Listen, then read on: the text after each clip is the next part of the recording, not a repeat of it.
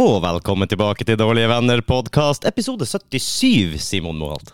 Det, gratulerer. Velkommen til oss. Tusen hjertelig takk. Kjør en liten applaus til deg, eller? Ja, takk. Jeg er la- veldig glad i applauser. La live audience, selvfølgelig. Perfect. Ja, Vinker til dem. vi vinker til alle sammen. Hei, folkens. Velkommen til oss. Eh, Det er bare meg og deg i dag. Det er det. Men det er sånt som skjer. Jeg tror det kan bli hyggelig uansett, det, altså. Jeg tror det. Du Vi kom, satser på det. du kom deg vel fram hit? Jeg gjorde det. Det- T-banen hele veien. Var det T-bane? Ja, ass. Hvor du kommer fra? Eh, jeg kommer ifra Oslo, holdt jeg på å si, men Ja. hvor jeg reiser ifra. Jeg var faktisk ute på Fornebu, og skal kanskje, apropos dette, skal jeg kanskje ha en liten sånn radiosekvens på ordentlig radio. Sier du det, ja? Det jeg får lov til å ha mitt litt uh, eget uh, snakke med musikere-type program, virker det som. Det er nice. Det er ganske gøy, så jeg fikk lov til å besøke Tor Andresen der ute. Så jeg kommer fra Fornebu, i hvert fall i dag. Men opprinnelig så er det jo er hele Oslo bybanker, så jeg liker bare å si Oslo. Ja, Oslo er, di- det er ditt. Ja, Oslo er mitt. Ja, men det er godt å høre. 100% Ja, ja, ja, det er bra, det. Ja, men det hørtes jo kjempespennende ut, det, da. Ja, det er ganske gøy. Jeg prøver å gjøre så mye som mulig hele tiden. Ja. Ja. Er det full time, eh, all in, med, med prosjekter innenfor musikk og, og alt det du driver med? Musikk er eh, dag og natt, holdt jeg på å si. Det er vel det det går i. Det er litt eh, andre kunstneriske prosjekter også, men hovedsakelig så er det musikk og band og produsering og skriving og ja. Det er fulltidsjobb? Det er fulltidsjobb. Det er et um, ja, det er et liv mer.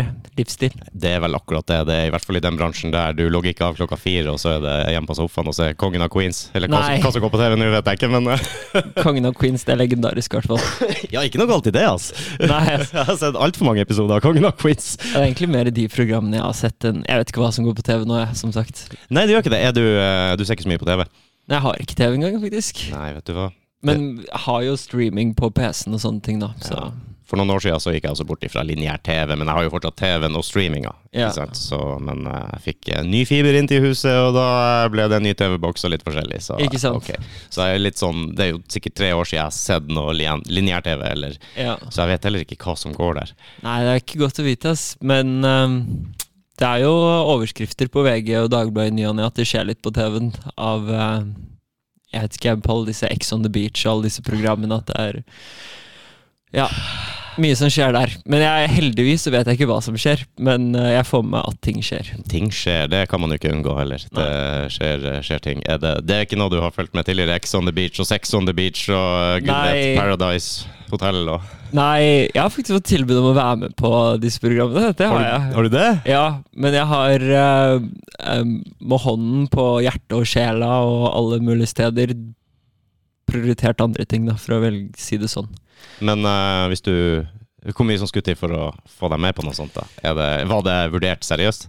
Uh, det var vurdert veldig seriøst. Mm. Det var en tid det var sånn ok, vi gjør dette, og så prøver vi å få mest mulig ut av det. Men så kom det en del andre kule muligheter opp, som valgte at jeg eh, prioriterte de, som var heller mer lineært med den historien jeg ønsker å skrive for meg selv.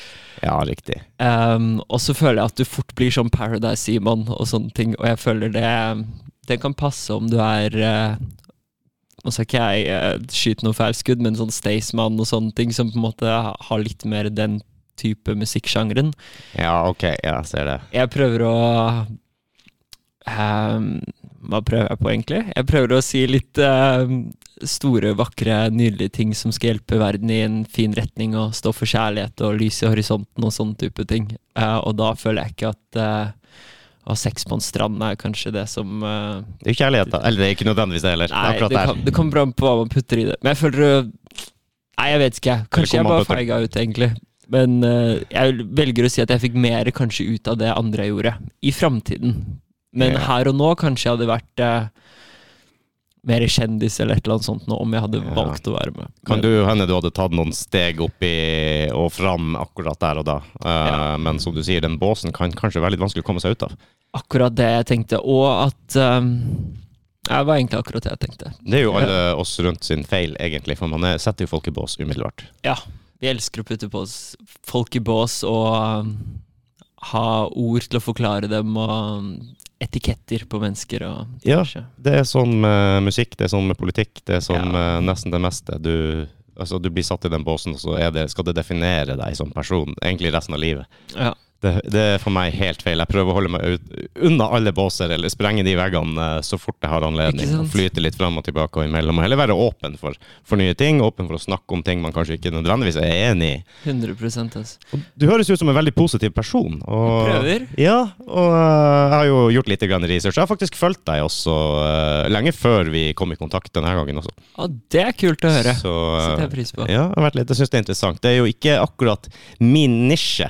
Det har jeg fått litt med meg, Ja. men jeg er så glad for at jeg er her fortsatt. Vet du hva, Det er et friskt pust. Frisk pust. Vi, Ja. øh, vi har ikke noen begrensninger på sjangere og personligheter og folk. Det, jeg, jeg tror jeg hadde vært villig til å prate med de aller, aller fleste. Altså. Og, Ja. øh, og det du driver med, er jo kult. Takk, man. Det må jeg innrømme. Kan ikke du fortelle litt om, om bakgrunnen din og hvem du er? Og, Jo. vi vet at du kommer fra Oslo, det gjør vi. Så- Ja, kommer fra Oslo. Liker å tenke at jeg kommer fra et sted forbi Oslo også. Um, men jeg, jeg startet jo som Eller hvor langt skal man gå tilbake, egentlig? Men jeg Hvordan, eh, ok, Interesse for musikk, da? Når starta det? Ja, ikke sant? Ja. Godt spørsmål. Mhm. um, det startet jo egentlig i bunnen av abyss, i de mørkeste dalene av verden man kommer, holdt jeg på å si. Det startet med en uh, stor kjærlighetssorg, egentlig. Åh, det er mye som starter med det. Ikke sant? Mhm. Kommer mye vakkert ut av det. Altså. Det var egentlig min første eh, kjærlighetssorg, hvor jeg bare Og det hadde jo skjedd mye. Jeg hadde Gammel er du da på det tidspunktet, cirka? Jeg vil kanskje eh, 13 Nei, 15 år er vel da Ja. blitt, ikke sant? Mm. Og så har du eh, byttet litt skoler, du har eh, eh, slått opp med en dame du har vært sammen i tre-fire år, liksom, og du visste ikke hva livet egentlig var før din første kjærlighetssorg, føler jeg til, og da var det eh, Jeg var ganske langt nede, litt sånn i mørket, sånn at det er nesten ikke noe poeng å leve lenger, du har litt de der tankene, ikke sant? Eh, og så da begynner du å få sånne tanker som at ok, men før jeg dør, da, for å ta det helt dit, faktisk, så skal jeg eh, rane en Rema, og jeg skal kjøre i 200 km i timen på motorveien, og jeg skal bli rap-superstjerne. ikke sant? Da begynner du å få de tingene du faktisk har lyst til å gjøre før du ikke er i dette livet mer.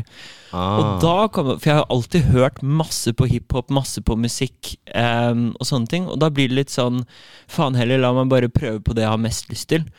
Eh, så da på en eller annen rar måte fant musikken meg, og så begynte jeg bare å skrive ut alle disse rare følelsene jeg hadde. ikke sant? Og så ehm, prøvde jeg å legge det på en beat, og det ble ganske veldig forferdelig, holdt jeg på å si. Og ble ikke tatt så godt imot i, på videregående skole. Og liksom, Simon han var fotballdude og festedude og sånne der type ting. Og så plutselig skulle han være rapper, liksom, og komme fra vestkanten og sånne ting. Det er ikke Da er det lett å pirke på deg, for å si det sånn. Og du, du har fotball og fest som liksom sto i Ja, eller okay. det gikk ifra å bli fotballsuperstjerne, holdt jeg på å Ja. si. Jeg har alltid liksom villet bli det beste i det jeg driver med. Um, Det er jo ikke negativt. Det er det ikke. Ehm, det kan jo Det er ikke negativt, men uh, det gjør også at du sliter litt med å være fornøyd med hvor du er i prosessen, og at du ikke har kommet langt nok, og diverse sånne utfordringer. Men eh, det gikk fra fotball til at det gikk til eh, du eh, oppdaget alkohol og fest og damer og det der, og da var du ikke fotballstjerne mer. Og så Nei, det går over, da. Det gjør måte. det, altså. Mm.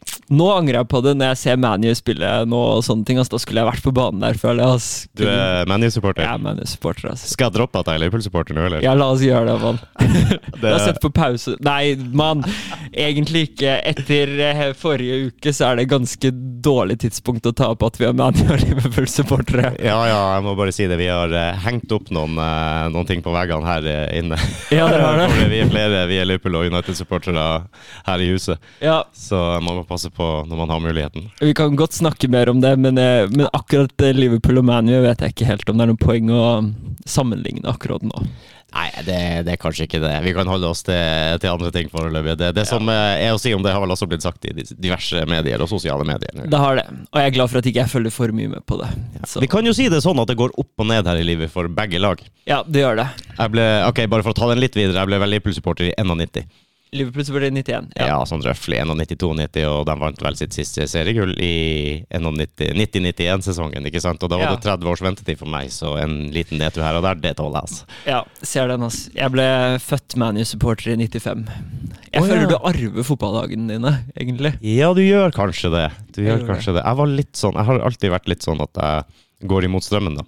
Ja, ok. Og eh, ja, 90, tidlig 90-tallet var jo det var ganske bra tid for United, det. Det var det. Og framover. Ja. Så hadde liksom alle rundt meg var United-supportere. Og det, det blir man jo når det går bra for et lag. Ja. Så får du interesse hos de yngre. ikke sant? De kjøper drakter, og det, det, er. Så det er jo sånn det begynner. Og så hadde vi Solskjær og sånn, som gjorde at det hjalp mye på. ManU-fanbasen i Norge. Det hjelper jo også. Men eh, når så mange rundt meg og på skolebussen og overalt var United-supportere, så tenkte jeg nei, Det er gøy, da. altså. Da går det andre veien. Det er sånn som med musikken også. Alle var liksom Metallica-fans. Bare, Nei, da er det Guns N' Roses som er min greie. Ikke så jeg har alltid vært Guns N' Roses-fan. her, da. Går litt imot strømmen. Ja, Det var, ja, kanskje ikke gå mot strømmen og være Guns N' Roses-fan, men sånn veldig lokalt og sånt. Ja, ja, så, men 100 så, så ble det sånn.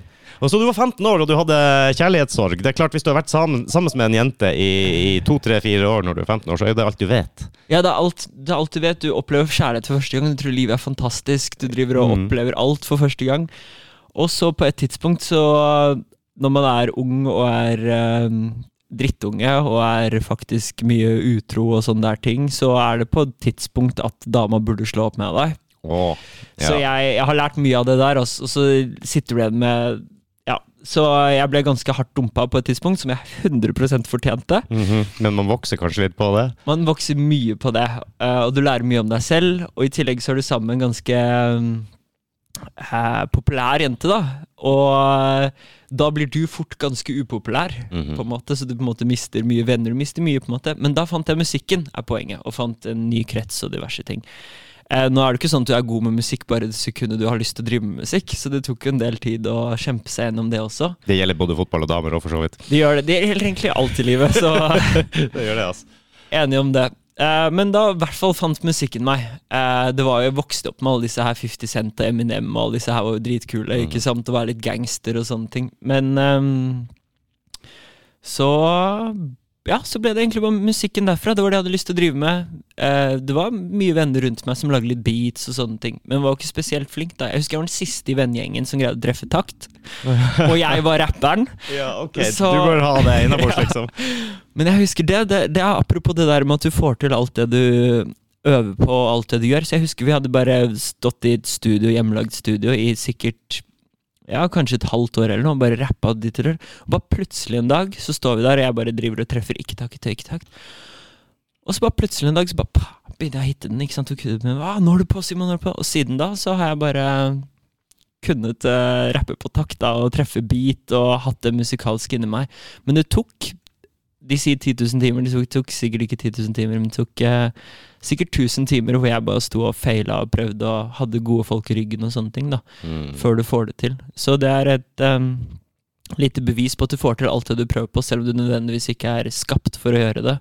Ja, eller, eh, ja, eller nødvendigvis verdens beste, heller, eh, Ja. men, men du kan mestre det for det. Også som du sa i sted, også, at det kan kanskje sette litt høye krav til deg sjøl, eller man kan, man kan gjøre det. Du kan kanskje få møte litt veggen hvis du skal bli best i verden. Ja, det, Eh. det er to ting jeg fikk lyst til å si til deg. Skal jeg prøve å huske begge? Det ene var det første du kommenterte, som var at hard work beats talent if talent doesn't work hard. Hard work beats talent if talent doesn't work hard. Ja. Det tror jeg stemmer ganske på en prikk i ganske mange forskjellige settinger. Ja, og jeg føler jeg har veldig hardt arbeid i forhold til talent. Eh, Jeg har kanskje talent innenfor f.eks. låtskriving og sånne ting, men det rent musikalske det har bare vært hardt arbeid, føler jeg. Ja, ok. Uh, og nå skal jeg prøve å huske det andre jeg ville si. Ja. Jeg pleier å være god på dette her, men nå gikk det litt blankt her. Hva var det vi hoppet inn på? Vi hoppet inn på at uh, Jo, det å bli best i verden, holdt jeg på å si. Mm. I starten var jo musikk bare moro. Da handlet det om liv og død og bare meg selv. Det handlet ikke om noe annet. Det handlet om hva jeg hadde lyst til å gjøre. Og jeg har merket, det er også en litt linje jeg har, at uh, jeg gjorde, jeg gjorde hobby til jobb, og så jobbet jeg ikke mer. Ok, ok. At sekundet jeg sluttet å liksom bare gjøre det for hobby og gøy, og det ble jobb, så ble det litt mer seriøst. Og da ble det det der best i verden og alt det der. Og det er ikke alltid det er riktig innfallsvinkling på å bli best i noe, eller på det mest gøy med noe. Så, så nå prøver jeg å leve av det og gjøre det hver dag. Mm. Og det kan bli stressende ikke sant? når du skal bli best, og du konkurrerer mot alle disse 18-åringene som kommer ut på TikTok og får en million plays og sånne ting. ikke sant? Ja, og det er jo eh, altså, det er liksom Kanskje alvoret inntar deg når du liksom går all in. Nå er det det du driver med. Det er ikke en hobby lenger. En Ja. hobby så kan du ha alle slags unnskyldninger for å Ikke sant? at ikke lykkes, da, hvis du skal ta det på det. Eh, nei, men Det er bare en hobby. ikke sant? Jeg driver ikke så mye med det. Jeg gjør det jeg kan på fritida og koser meg og har det gøy. Ja, Og det er jo det viktigste, for så vidt. Å kose seg og ha det, det gøy. det. I, hvert fall Det kommer kanskje an på hva, hva du ønsker å oppnå. Ja. Eh, Jeg ønsker å leve av dette, og Ja. da kan du ikke bare ha det. Da må du på en eller annen måte begynne å bring in the dough også, på et tidspunkt. Og, ja. og så blir man eldre. liksom Jeg er 28 år nå, det er ikke en høy alder, men jeg er ikke så ung som jeg var, for å si det på den Mhm. måten.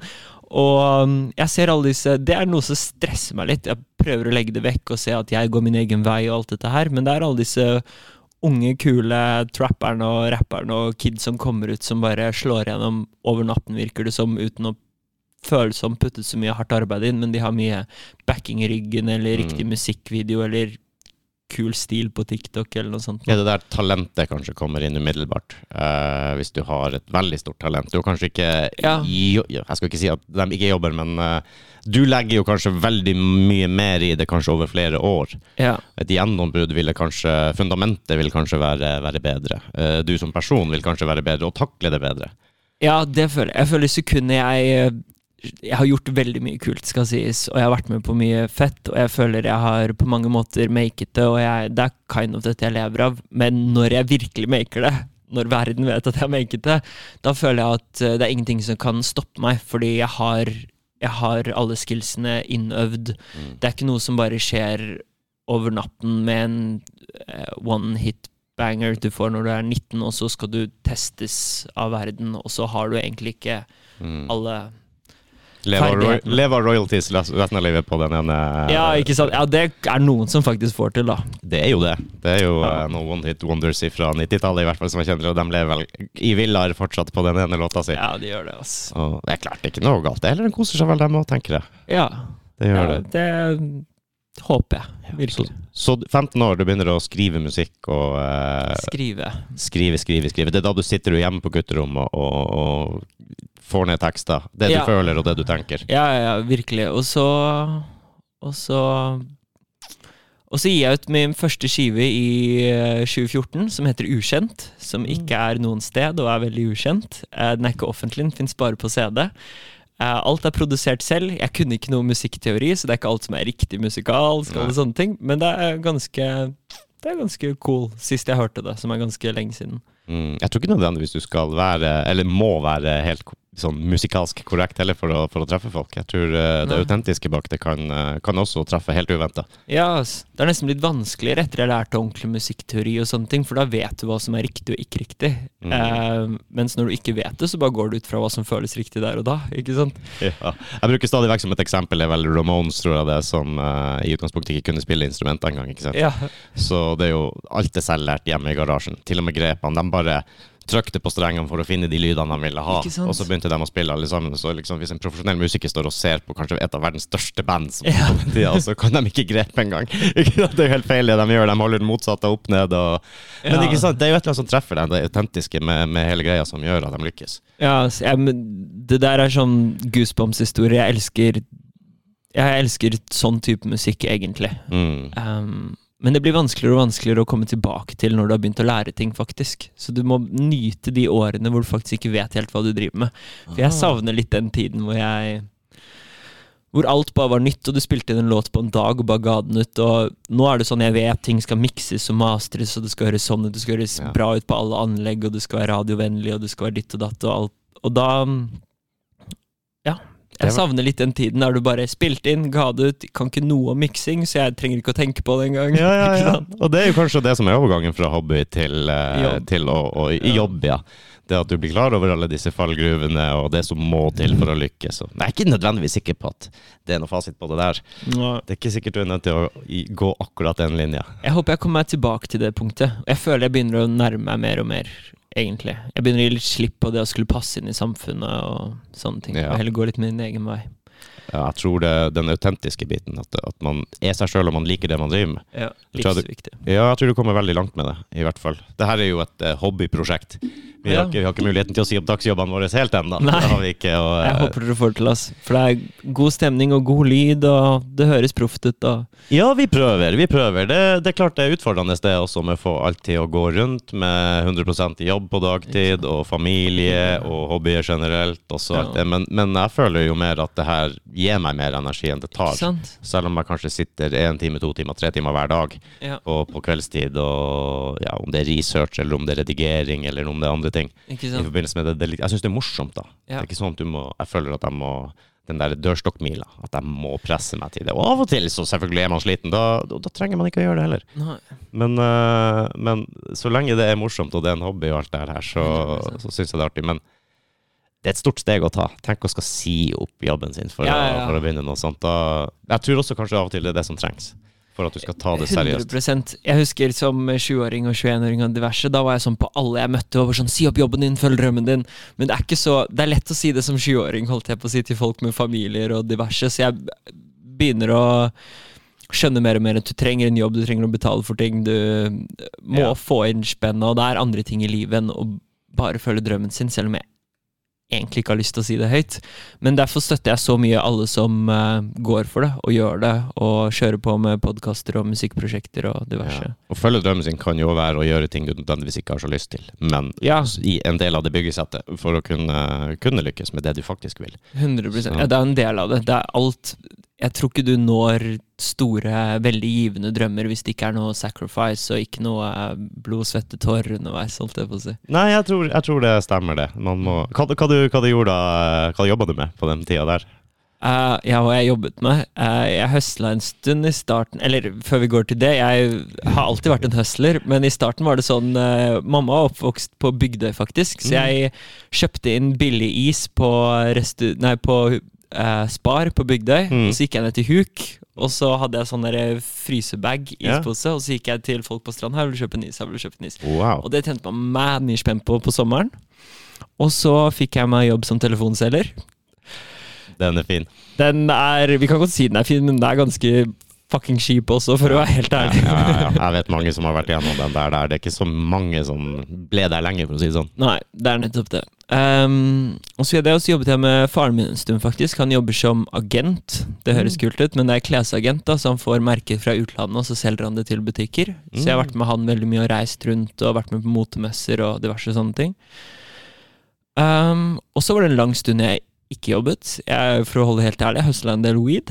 Bare uh, gjøre det. Røyka mye også. Det er lagt helt fra meg.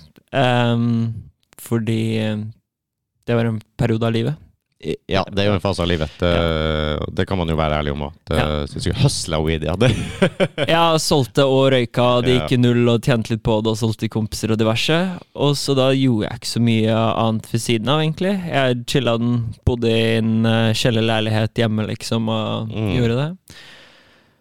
Og så var det jo mye musikk. da Jeg har spilt mye på gata, jeg har gjort mye diverse sånne ting. Um, Hvordan føles det, da? Det å spille på gata er egentlig det skumle, skumleste av alt. Det, det skumleste av alt er å spille for uh, Nå er ikke ting skummelt lenger, holdt jeg på å si. Jeg har vært nok på scenen til at det ikke er det, men i starten er det skumleste av alt å opptre for uh, familie, venner, de nærmeste. Mm. Ukjent er ikke så skummelt. Men det å stille seg på gata, det er noe helt annet. Du kan være stor musiker, på en måte. Jeg har spilt masse shows med uh, masse folk foran meg, folk kjøper billetter og sånne ting. Det er greit nok, da vet du de vil være der, men det er ganske ydmykende Ikke ydmykende, hva er det? Humble på norsk? Ja, jo, jeg vet hvor du vil hen. Altså, Ja.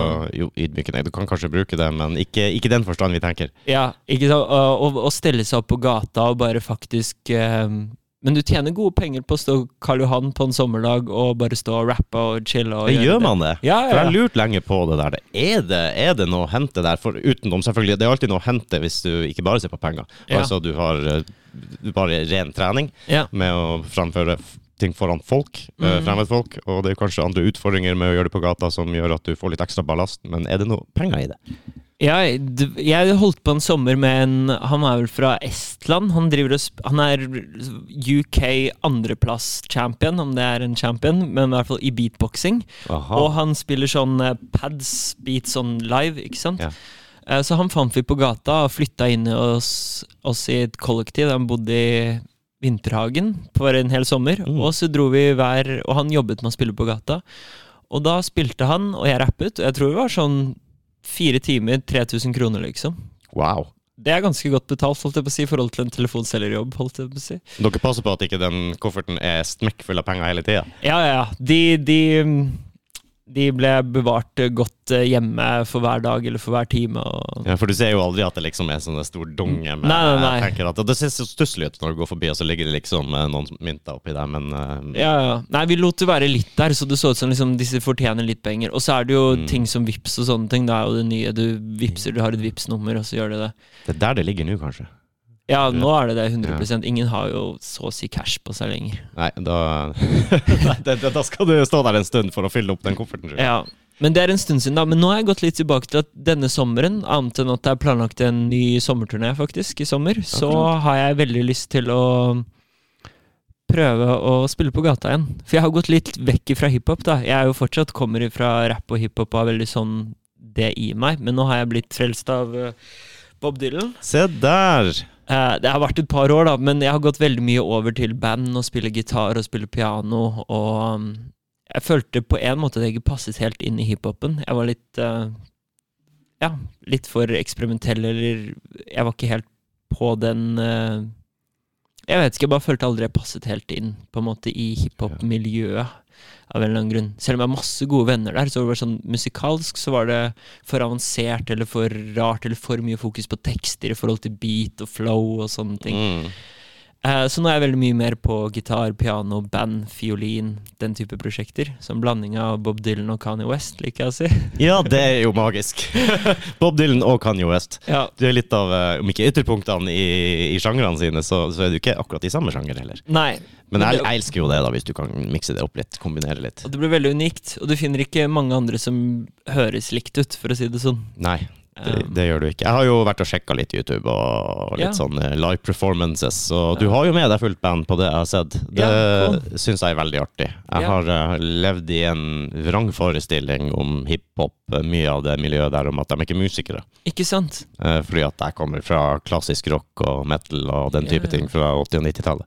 Og 70-tallet for så vidt. Jeg var ikke født på 70-tallet, jeg er født i 82. Ja. Men, eh, men mye av det hang jo fra mine foreldre. Og, ikke sant? Det, Ja, ja. Sjekke ut LP-er og sånn. Eh, mye Sabbat og, og den greia. 100 Og, eh, og?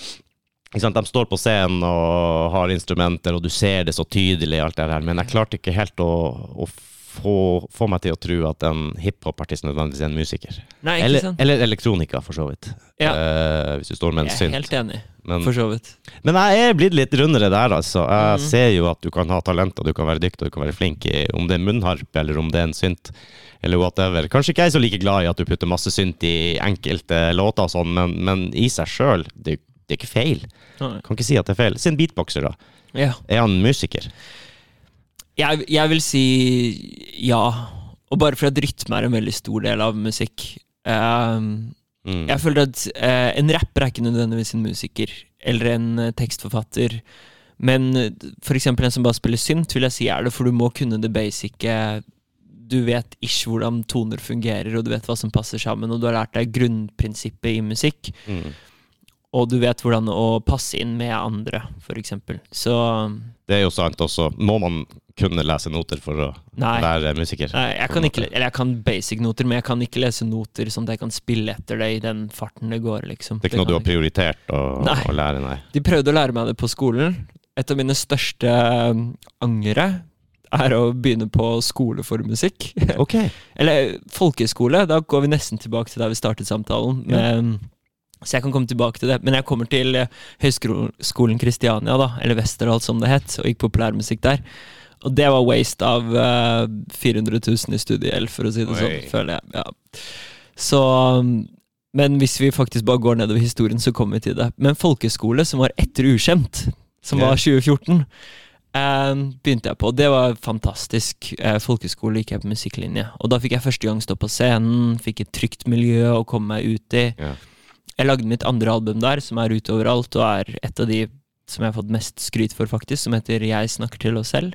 Mm -hmm. um, som jeg lagde da. Og det er all ære til den skolen og den læreren jeg fikk der, og alle de folkene jeg fikk rundt meg. Og jeg fikk en helt fantastisk sanger i klasse med som heter Zoe Ophelie, som flyttet med meg til Oslo. Vi spilte masse show sammen, Mm. og er ja, egentlig min eh, Jeg har mange bestevenner, men sånn musikalsk så er hun min bestevenn. og ja. Så det er noe jeg anbefaler folkeskolemusikk. Men eh, jeg føler musikk kan drepes litt, og din individuelle kunstneriske intuisjon kan drepes litt av å gå på sånn som eh, høyskole, da, med musikk og sånne ting. Da følte jeg at jeg wasta litt år. Jeg fikk mange gode bekjentskap, men skolemessig, og det at de skulle trykke på meg toner, og jeg skulle passe inn i bokser og alt det der, det kan eh, ta litt av gleden fra deg, da. Ja, egentlig. jeg kan tenke meg det. Det, det kan jo kanskje føles som uh, ball in chain, om man skal si det Ja. sånn. ikke sant? Du, du har ikke den friheten lenger, eller du føler at du må gjøre det og det og det for å lykkes. Det er en fasit, på en måte. Gjør du ikke det, går du utafor der, så Ja. ikke, ikke forvent noe. Nei, det var noen veldig flinke lærere der som så meg for individet jeg var. Og så er det noen som bare skal ha deg til å gjøre alt etter boka, liksom. Sånn, kan du ikke gjøre det, så, kan, så må du lære det, for hvis ikke så er du ikke Ja. Men det jeg innså mer og mer, og en lærer der som er veldig flink, som heter Håkon Iversen, som faktisk har vært med på Melodi Grand Prix, og han har laget den Mummitroll-sangen, den ma, ma, ma, ma, ma, ma, Sier du det? Ja, han har masse sånne ting han har gjort, liksom. Så det er ganske kule sanglærere som er Kred bare det, altså. Ja, det er det. Han var så, en, min favorittsanglærer, da. Men um, han sa til meg at populærmusikk handler nå mest om eh, om eh, det unike i deg. Egentlig å finne hva som er spesielt med deg. Det er ikke å passe inn og synge 100% rene noter, og alt skal være feilfritt og sånne ting. Det Mm. handler om å, om å finne hva som er spesielt med deg, og dyrke det, da. Og han var veldig flink til å hjelpe meg med det. Så det var positive ting også fra å gå på den skolen, men overall så føler jeg å bruke de tre årene på andre måter, og spare de penga, kunne vært eh, mer eh, Ja. Det er jo en erfaring, kanskje en, kost, en, stor, en erfaring med stor kostnad, men likevel en erfaring å ta Ja. med seg, og du har jo kanskje noen tips å gi videre òg, da. Det har jeg. Uten at det nødvendigvis at det er så mye. Ja, så må ikke gjøre det. Gå heller ut og spille på gata, eksempel. Du får mer erfaring fra det, for å si det sånn. Ja.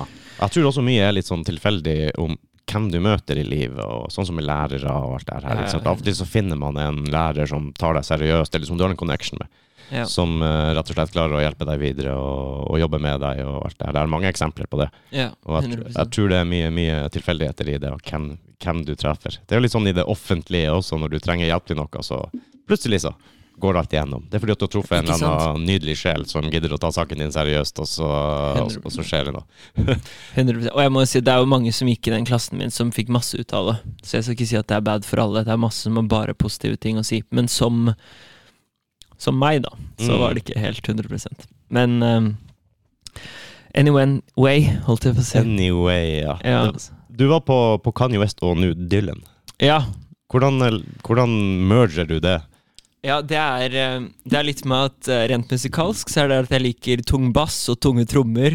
Ting som Mm. går hardt er liksom det hiphop-elementet med ganske fast rytme, men tung rytme. Mm. Men samtidig så putter du inn ting som akustisk gitar eller elgitar, og så har du fiolin inni der, og sånne ting. Så du har litt um, the low frequency specter uh, av musikken. Det Bunngreiene er ganske hiphop-basert, der du får deg til å ville nikke hodet og Ja, ja, stå og danse og sånne ting. Mens eh, de lyse frekvensene og topptonene er ikke bare samples og synths og sånne ting, men det er em, ekte live musikkinstrumenter da, med ganske eh, old school roots som eh, akustisk gitar eller Mm. fiolin eller munnspill eller Så kan du jo ha organs og synths inni der også, men det er, det er en blanding av eh, rock og folk og hiphop, på en måte. Så du Det, det kan jo nesten ikke slå feil, spør du meg. Jeg er veldig glad i å mikse opp i hvert fall folkemusikk og, og rock og metal og sånn. Det, og det, det er jo ikke noe holdt jeg på å si, hemmelighet. Mange bruker det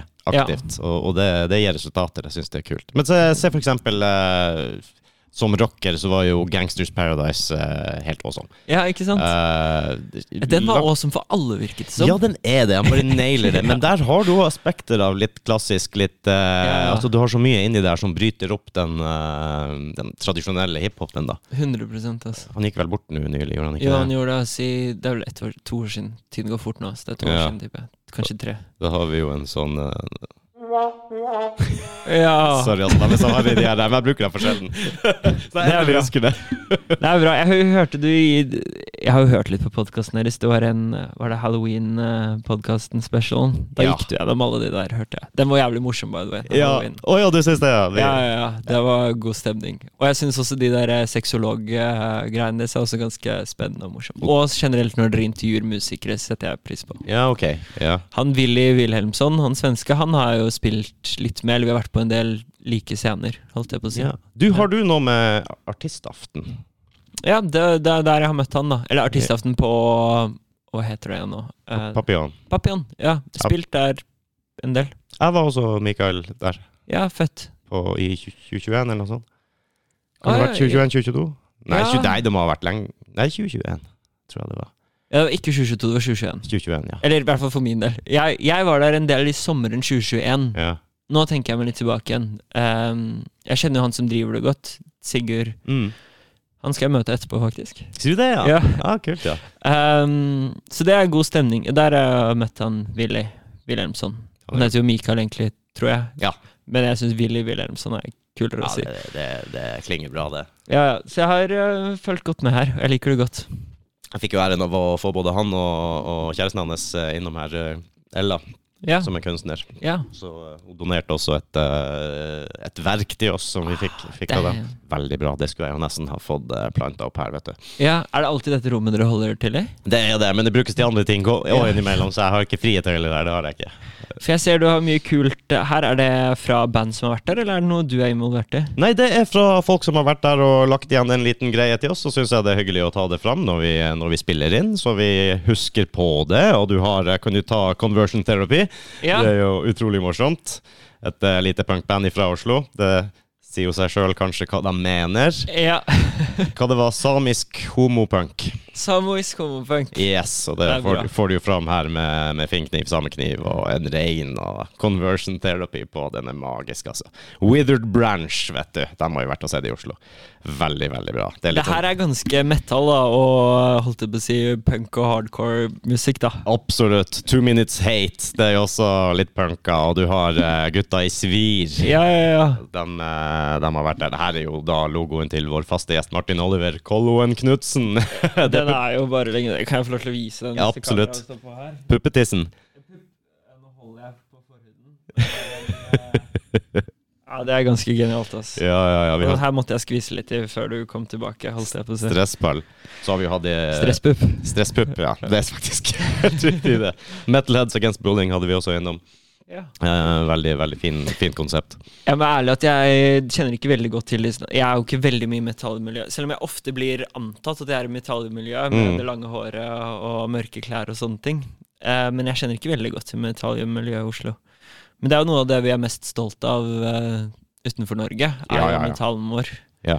Jeg var i en platesjappe i Boston en gang, uh, i USA, og uh, det, det var sånn tre-fire etasjer. Og så han gikk ned i kjelleren, så var det en halv etasje i hvert fall dedikert bare til Norwegian black metal.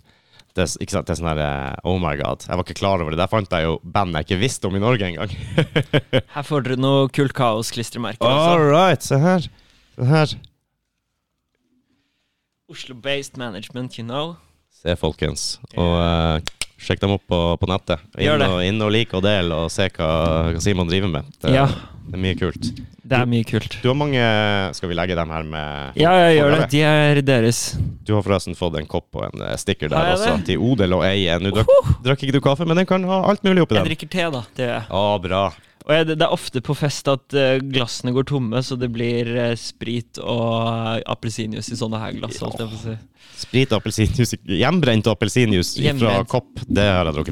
jeg på å si. dialekten din Nå skal jeg ikke intervjue deg da Det må du bare gjøre Men jeg har jo mange forskjellige tilknytninger til eh, eh, Finnmark eller Nord-Norge, eller Så jeg prøver å si, er det Bodø eller lenger opp derfra? Det er lenger opp. Det er Finnmark? Ja, ja, ja. Er det Kirkenes? Nei, det er ikke Øst-Finnmark. Jeg er fra Vest-Finnmark. Ok, da må du nesten name-droppe byen. Ja, by og by, du, fru Blom. Det er nå så liten plass at vi kaller det bare for hjemme, omtrent. Ja, ikke sant? Nei da, Jeg er fra Egentlig så er jeg fra en plass som heter Kistrand. Ok. Ja, eh, Det er i Porsanger kommune. Det er ca. fem-seks mil nord for Lakselv. Ja, Lakselv er jo- Lakselv, ja. Kjent. Jeg har i hvert fall hørt mye om det. Jeg vet ikke helt hvorfor jeg har hørt om det, men jeg har hørt om det. Ja, det, det er ikke godt å si hvorfor du har hørt om det. De har, eh, de har eh, ligger inn, Det ligger innerst i Norges tredje største fjord, Mm. Porsangerfjorden. De har vel en av Norges lengste rullebaner der. Det er også militærleir, og det er litt sånne Ja. ting. Kanskje det er der du har det fra. Ja, kanskje noe sånn militær Garnisonen Porsanger, GP, ligger der. Ja. Eh, så det er jo vært ute og slåss mot uh, søringer ganske mye i, i sant? min ville oppvekst. Nei, jeg har ikke det. Jeg flytta jo derfra når jeg var s- Jeg flytta hjemmefra da jeg var 15 år, og så flytta jeg fra Finnmark da jeg var 17. Til Oslo? Ja. Ja, ok. Så eh, begynte jeg på eh, storbylivet her. Ja, ikke sant? Og du nyter det? Ja da, jeg skulle ned og ta eh, fagbrevet som nei, som elektriker. Så Ja. jeg begynte i lære her nede. Og så skulle jeg hjem til Finnmark, bare, jeg skulle bare jobbe litt, grann, og så skulle jeg flytte tilbake. Ja. Skjedde ikke, vet du. Nei, du dro aldri tilbake? Jeg dro aldri tilbake. Jeg bare ble her. Så nå har jeg bodd her i Oslo i Ja, jeg flytta sommeren 2000. Mm. Så 22 år. Yes. Jobba i samme firma som jeg fikk lærlingeplass i. Og kone eller kjæreste eller samboer eller hva man kaller det, Ja. er fra herifra eller fra nord? Det er kjempekomplisert. Ok. Eh, det er, hun er fra, uh, fra Bryne Ja. utenfor Stavanger. ja. Uh, jeg traff henne i Hammerfest når jeg bodde i Oslo. Ok. Det er sånn der, greie, for jeg, var, jeg dro nordover og i- jeg ble på en måte utleid. Jeg tok meg permisjon her for å jobbe litt i Finnmark. Min stefar har en eh, elektrobedrift Ja, okay. i Lakselv. Så Nice. var det noe utbygging av noen flyplasser og litt sånn, så de trengte litt arbeidskraft. Så jeg dro Ja. oppover. Det var i ni måneder. Mm. Jeg jobba der, og da jeg hadde en fetter. kom hjem til Gid. Ja, ja, ja. Jeg hadde en fetter som bor i Hammerfest. Jeg skulle besøke han, og der uh, var tilfeldigvis min uh, samboer. Ja. På hennes 20-årsdag. Ok. Og hvor gammel var du da, om jeg spørre? Vi har akkurat begge to fylt 40. Dere er begge to Så du var også 20 da? da? Ja. ok. Vi er like gammel. Ja. Og eh, oktober er desember. Så jeg er vinterbarn. Kjæl februar. Ja, ja, ja. Ja, ser du. Vet det. Så eh, jeg traff henne der på, på en liten party og ble godt kjent. Og så skulle hun til Oslo om noen måneder, og så Ja, hei, hei. Ja. Viste at vi skulle på samme konsert i Oslo også, og det var derfor hun skulle sørover. Så eh, Jeg må spørre hva slags konsert det var. det var Manowar. Ok. Kjenner du til dem? Nei. Er harry power metal. Ja. eh, albumcoverne ser ut som Conan the Barbarian. eh, eh, ja. Er det jævlig gøy, altså. Jeg var ikke sammen med henne på det tidspunktet. Nei. Eh, for hun kom ned, og hun, skulle, hun og flere andre venner av meg, skulle, felleskjente, da, skulle overnatte hos meg. Ja. Som hadde en eh, hybel i, på Lørenskog eller Fjellhamar. Ikke sant? Ja, ja. Og, eh, og vi dro på Manowar-konsert, det er noe av det artigste jeg har vært med på. Ja. Det var sinnssykt. De skaper alltid mye liv. Det er mye låter du kan lett å synge til. Og, ikke sant? Det er easy. Det er easy going. Eh, Og du hører teksten? Ja, ja, ja, absolutt. De growler ikke på den måten. Han, uh, Eric Adam, som er vokalist der, er vel klassisk utdanna. Har en fantastisk stemme. Ja. Kjempe, kjempebra. Men uh, det her kan jeg jo for så vidt si. Jeg tror ikke det er noe hemmelighet. Hun forsvant litt fra oss under den konserten der. ja. Og eh, plutselig så ser, sier en kompis som meg Du, er ikke det hun som Er, er ikke hun på scenen? Eh, Eh, det har du helt rett i, så eh, visste du at du likte hun da, eller kom det senere? Om jeg visste at jeg likte henne? Ja. Ja, absolutt. Ja, okay, Jeg likte henne fra første kvelden, jeg. Ja, jeg skjønner. Så eh, fikk streng beskjed første kvelden at eh, vi tar det litt lugnt. Vi tar det veldig rolig. Ja, ja, vi tok det veldig rolig, ja. Og det, og det er jeg veldig glad for nå, da. Ja. Uh, så hun kom ned, vi var fortsatt ikke sammen på det tidspunktet. Jeg rota litt her og litt der, og sånn, men ikke noe, ikke noe mer enn det. I utgangspunktet, Vi bodde jo på forskjellige plasser. Hun bodde i Amfest på det tidspunktet, ja. og jeg bodde i Oslo, så det grenser seg. Ja. Uh, men ja, hun sto på scenen, uh, flasha, flasha foran hele Rockefeller. Serr. Ja, ja, ja. Tilfeldigvis så spilte de inn eh, DVD-en sin da, Manowar. Eh, Live-DVD-en så fra turneen, så det kommer jo med der. Så jeg måtte jo haste ut i Oslo og kjøpe alle eksemplarer av den. Ikke når den kom. sant? Det er god framtidig uh, husband. Ja, for når den kom, så var vi sammen. Ikke Ja, sant? ikke sant? Hvordan føles det nå? Nå er det, Ja, nå nå er det greit. Hvordan føles det da? Da var det, da var det jævlig fett. Ja. Akkurat der og da. Det som var litt stressende, var at vi fant henne ikke etter konserten. Nei, Og du eh, var ikke backstage? Jo. Jo, ok. Og eh, så skulle hun Og vi hadde jo veska hennes, ikke sant? Ja. Og alle tingene hennes. Ja. Alt. Så det var litt sånn, vi måtte begynne å komme oss av gårde og fikk ikke kontakt med henne og bla, bla, bla. Så vi begynte å bevege oss ut, og så fikk vi vel en telefon fra henne. Da hadde hun fått låne telefon til noen i bandet, for da hadde hun gått ut og skulle gå etter oss, men så hadde de kommet med bussen, Ja. bandbussen, så hadde de Hei, du var jo med oss på scenen, og ja, ja, bli, bli, bli med. Så hun ble med på turneen deres eh, til, til Sverige og Finland og Det hørte jeg du snakket om i en annen podkast, Ja, faktisk. stemmer det. Ja, ja, ja. Satt på fest i Helsinki med Nightwish og Him og, eh, Ja, ja, ja. og Manowar og den gjengen der. Så fikk, eh, fikk en ordentlig opplevelse der. Satt litt på Harleyen deres når de skulle ut på scenen og sånn. Ja. Litt sånn der rekvisitter. Ja. Sånn, da. Eh, det var litt stressende når ikke vi visste hvor det var og hva som skjedde. Og sånt, Ja. Så, men, eh, men etter hvert så fikk vi oppretta kontakt, og de kjøpte jo alt hun trengte. Nye klær og så. Det var kjempeshow. De var snille, høflige, hyggelige karer. Det var ikke noe tull. Nei. Så de var godt voksne alle sammen selv da. De begynte vel Gud vet når de begynte, men det var tidlig 90-tallet. Nei, tidlig Ja. 80-tallet. Så det, Ja, det, var min story, og hennes story. Så, ja, nydelig, da. ja, ja, ja. Etter hvert så flytta vi sørover, og så Ja, sitter vi her ennå. Ja, nydelig. Ja. Du, har du samboer, du? Kone? Barn? Uh, hun er jo egentlig både barn og kone og samboer, holdt jeg på å si. Akkurat, ja. Nei, hun er, vi er vel vi er vel samboere, er vel det det heter. Eh, og hun er fra Kirkenes, da. Det er derfor jeg, jeg Ah. har vært litt der oppe. Og ja. Så hun er eh, fantastisk. Det er kult. Ja. Shout-out. Shout-out til Ina Randa. Kjærlighet. Hun kommer til å høre på denne. Ja, men det er godt å høre. Ja. Og bare være forsiktig med hva du sier. Ja, ja, ja. Eh, Bare snille ting. Ja, ja. Nei, jeg prøver at man skal være så ærlig som overhodet mulig, og så kan man heller snakke om det. Men uh, det er ikke noen feil følelser å ha. Det er det ikke. Det er ikke det. Jeg tenker at det er ikke alt som er nødvendig å si bestandig. Og det har jeg begynt å lære mer og mer. Å si det, eller å ikke si det. Å ikke si det. Okay. For jeg har alltid vært for at du skal si alt sammen, og så kan vi snakke om det. Og så er det ikke nødvendigvis at du trenger å Du kan angre på ting du har sagt, du kan, men det er nesten bedre å si det og så snakke om det. Ja. Men så har jeg begynt å innse at det er noen ting du bare ikke trenger å si, egentlig, for du vet hvor den samtalen går. Eller, Ja, er det ikke sånn? Jeg tenker Ja. alle som er like flink kanskje til å ta kritikk, eller være åpen for, eh, for en samtale om enkelte temaer. ja. Er, Eller så henger seg opp i ting som er vondt der og da for kanskje den personen, men ikke det hele temaet handler om. Men ehm, ja, shout-out til Ina Randa. hyggelig, hyggelig. Ja, men det er godt å høre. Og så måtte jeg bare name-droppe, eller shout-out til faren min. Eller jeg kan først si at når jeg var kid, trodde jeg alltid det var shootout. Så jeg sa alltid at det var shootout til uh, ja. Shootout, ja. ja, Så shootout til uh, pappa, som er fra Bodø og spilte på Bodø-Glimt. Så jeg er veldig Bodø-Glimt-fan. Wow, han har spilt på Bodø-Glimt? Ja, som i, Han er jo en gammel mann, holdt jeg på å si, så det var ikke mye penger å tjene i det. Så han spilte der ikke Men som ung og vant noe juniormesterskap og turneringer og diverse. Mm. Men så byttet han yrke for å tjene litt penger og sånn. Men- All right. Men derfor er vi Bodø-Glimt-fan, da, og har eh, både familie og dame og sånn fra nord, da. Så jeg tenkte bare å putte den inn der. Kult. Min, ja. min onkel er super, super Bodø-Glimt-fan. Ja, ikke sant? Ja, ja, ja. Selv, og, selv foran TIL Tromsø. Ja, ja. ja. Fuck til. Fuck TIL, ja. ja. Jeg hang meg på den der norske fotballen en periode, men jeg klarte ikke å Nei, jeg følger.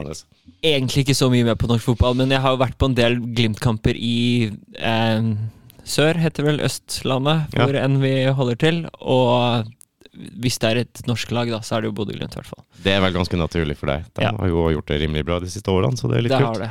Men jeg var Glimt-fan før det var kult å være Glimt-fan. så jeg må si det, da. Ja. Hva var alternativet der du var fra da? Er det, Det jo- Lyn eller noe sånt? Ja, ja, det var Lyn. Eller så var det Stabæk. Eh, pappa har jo bodd litt uti der. Jeg spilte faktisk for Stabæk. Eh, ja. Men det er litt det jeg mente med at man arver fotballagene sine. da Så jeg arvet jo både Bodø-Glimt og arvet ManU. Ja. Da gikk vi hele sirkelen rundt og kom tilbake til den igjen. Vi gjorde det. Kult, vi er flinke på sirkler. Jeg er glad i sirkler. Ja, men det er godt å høre. Ja, Sirkel er ikke den verste formen. Den er en det òg. det er det. Ja. All right. Du var Ja, folkehøyskole og høyskoler og, og alt det Ja. her. Jeg skjønner jo at du har gjort andre interessante ting også. Ja, jeg har gjort mye rart, jeg, altså. Um, ja. Du har vært ute og reist, da? Jeg har vært eh, jeg, har jeg tror jeg vet hva vi sikter til, og jeg gleder meg til å komme til det. Det syns jeg er veldig interessant å høre om. Uh, noe som virkelig Nysgjerrigheten min er Ja, det, det skal, jeg vil bare først si at jeg kom faktisk akkurat hjem fra en ganske lang reise. Som er lenge yeah. siden jeg har vært på en lang reise. Sist var faktisk det vi skal snakke om. Nå bygger tension seg. Etterpå må du ha den der trommevirvelen som du har. Absolutt. absolutt. Men jeg kom hjem fra Jeg har faktisk vært på interrail i en litt eldre alder, holdt jeg på å si. det er nydelig. Det er det. Så jeg kom akkurat hjem derfra, var ute i en og en halv måned. Vært i masse kule byer. Og mm, reiste alene. Fordi jeg liker godt å oppleve og tenke og skrive. Og Mm. ofte skjer det veldig mye her. Jeg har veldig mye folk rundt meg hjemme, og innimellom trenger du bare litt tid for deg selv. Ja, og så er det kanskje lettere å bli kjent med andre mennesker og, og sånn når du reiser alene. Akkurat, ass. Eh, og bli kjent med deg selv også, ikke minst. Absolutt. Hvordan takler du det? Jeg er veldig glad i meg selv. Eller Godt selskap. Ja, nei, det går opp og ned, men sånn overall så er jeg glad i meg selv. Jeg er det, og jeg har fine samtaler med meg selv og alle andre inni hodet mitt, og det går fint. Ja, men det, er jo, det er jo sunt å ha det godt med seg sjøl, da. Det er det, altså. Jeg tror, eh, jeg tror det er viktig. Eh, Ja. Selv om alle trenger noen rundt seg av og til. Ja. Vi er, vi er det skal- sosiale. Vi er, vi er veldig sosiale skapninger. Eh, det skal sies at eh, jeg har eh, mine ting og issues og utfordringer med meg selv. Det skal jeg ikke si noe om, men jeg liker mitt eget selskap. Mm. Ikke noe problem med å være alene. Men det skal ikke bety at liksom alt er fryd og gammen og perfekt inni hodet mitt. Men uh, Ikke nødvendigvis, nei. Det trenger det jo ikke være. Men at man er komfortabel med det. komfortabel med seg selv. Det Det, syns jeg er viktig. Og interrail, faen, det er noe jeg angrer på at ikke jeg gjorde. Altså Ja. backpacking, interrail, alt det her. Jeg har reist en del, altså, men ikke, ikke på det nivået. Ja, har mer sånne fyllaturer fra jeg var 17 år. Og, ikke sant? Til København og sånn. Ja, nei, litt sånn Hellas og Ja, eh, litt forskjellige ting. Jeg har vært litt i Statene og rundt omkring. Ja. Kanskje litt mer enn folk eh, gjorde i- fra Finnmark, ikke sant. Det er jo Ja, ja. veldig mange som ikke flytta. Ja, jeg liker Dama mi har jo nesten ikke reist utenfor Norge, og hun er fra Kirkenes. Holdt jeg på. Ja, det, det er jo dobbelt så langt automatisk hvis Ikke du skal sant? reise fra Kirkenes, og dobbelt så dyrt. Ja. Og hun Så- sier at det er ganske vanlig der oppe at folk Mm. Jeg har vært en del i Russland og Finland og sånne ting, men Jeg er jo mer vokst opp med den der eh, Vi sier harryhandel og svenske svensketur, men det, folk dro til Russland der jeg er fra. Ja, ikke sant? Ikke sant? Så, Samme. så eh, jeg er litt kjent med det, men uh, ja, Interrail, ja. Kan du fortelle litt om uh, hvor du havna? Hvor, eh, Ja, jeg eh, ruta raskt og greit. Gikk vel Jeg valgte å skippe 18 timer i tog til København og Tyskland, så jeg tok faktisk en veldig billig ferge fra Mm. Oslo til København. Mm. Og så tok jeg toget samme dag fra København til Hamburg. Så var jeg sjekket ut Hamburg, var en kul by.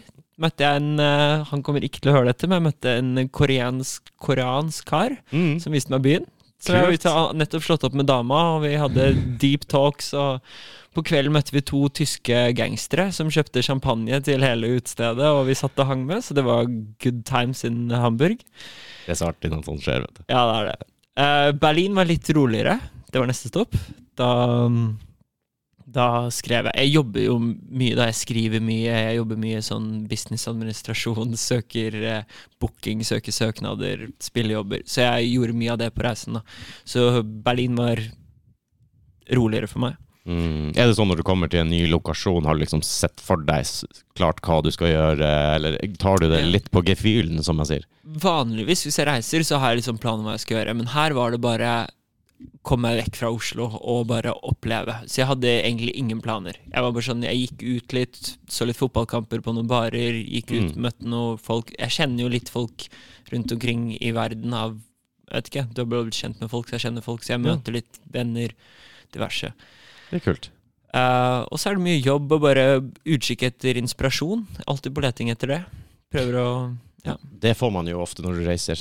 Du Ja. kommer i sånne nye situasjoner som du umulig kan forberede, og, og, og forberede deg på sammen med nye mennesker og nye folk. Så at man henter inspirasjon der, det, det tror jeg nok eh, du får masse av. ja. Veldig artig. Får du enda interrail-billett?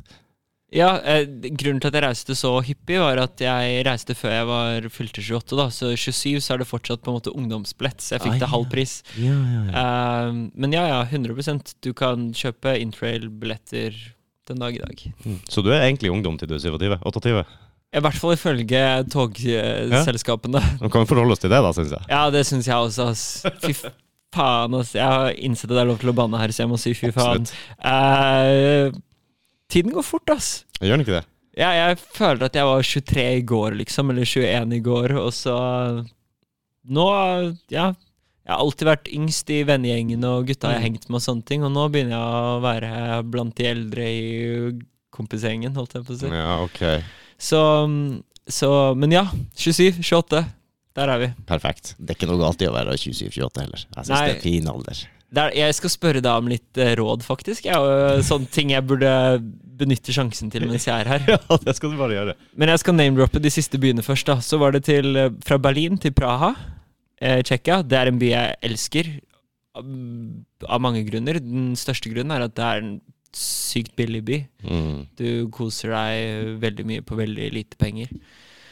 Det høres positivt ut. Ja, ja, det er det, det eneste stedet jeg har vært som har vært bedre i forhold til billigere, hvis vi holder oss i Europa, er at jeg var i Serbia med noen kompiser når jeg var 13 år. Ja. Reiste vi dit uten lov, egentlig. Som var ganske fuckings kaos.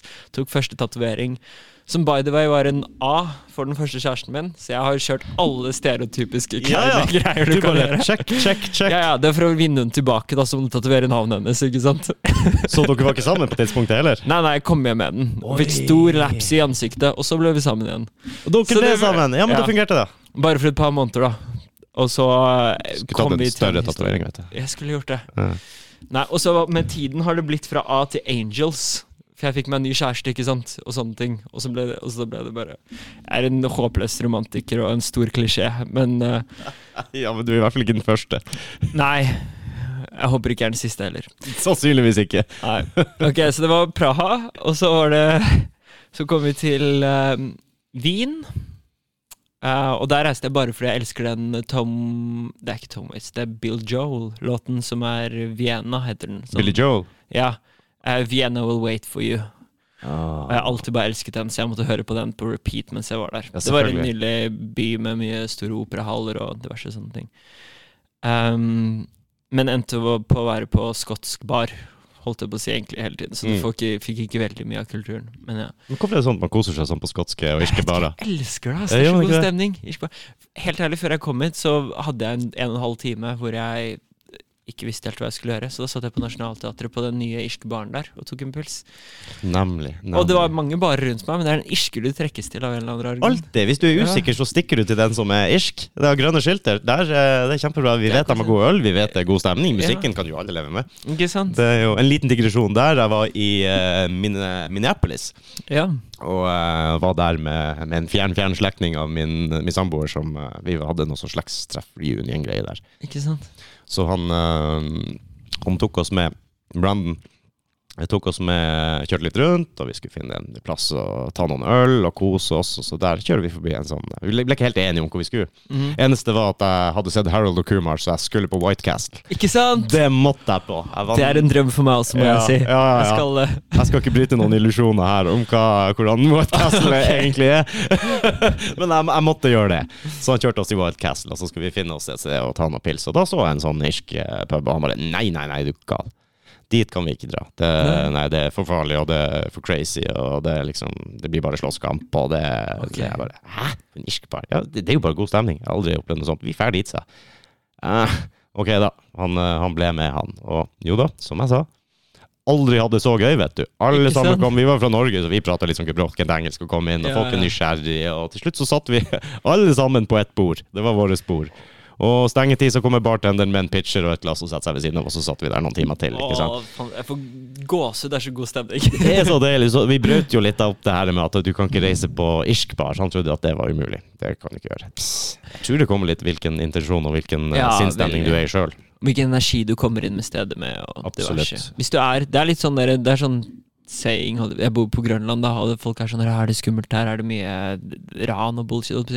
Hvis du går rundt og er redd og diverse, liksom, så kommer det situasjoner. Hvis du bare går der og koser deg og er deg selv og med selvtillit og hilser på folk og sånn, så har det aldri skjedd meg noe, ikke sant? Nei. Mens jeg hører om folk som går der for første gang, og det skjer et eller annet skummelt, ikke sant? Så det er veldig hvilken energi du går med, og hva slags sinnsstemning du har, som du sier. Ja. ikke sant? Jeg var på flatfylla i Amerikas uh, USAs uh, farligste by.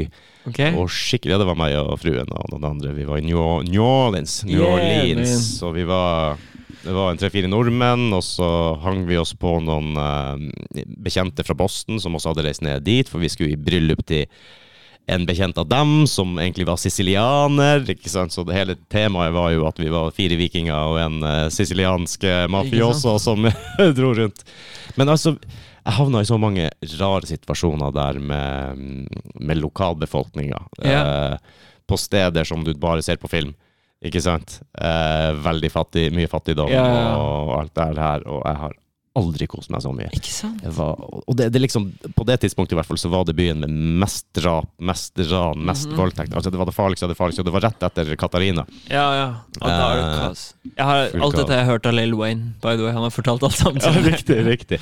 Men bare, bare Jeg følte meg aldri trua. Nei. Jeg var, vi var der alle sammen med, med et åpent sinn og Ja. godt humør og genuint interessert i å snakke med folk. Uh, respekt og alt det der. Og Mm. jeg tror det skinner litt igjennom dine intensjoner. Ja, 100% jeg tror det. Vi var på en uh, Nå prater jeg bare om meg, beklager. Uh, på det samme slektstreffet vi var noen år senere, da, så kjørte vi rundt da, også med min svigerfar. Og eh, vi hadde tatt feil i New York, vi hadde leid bil, kjørt litt rundt, så vi havna i Newark, uh, som er yeah, ja. også de farligste plassene. Og det yeah, var også sånn typisk slum, du ser de her blokkene, de trappene, og så masse søppel, og så står det en fyr i bar overkropp med bandana og eh, Ikke sant.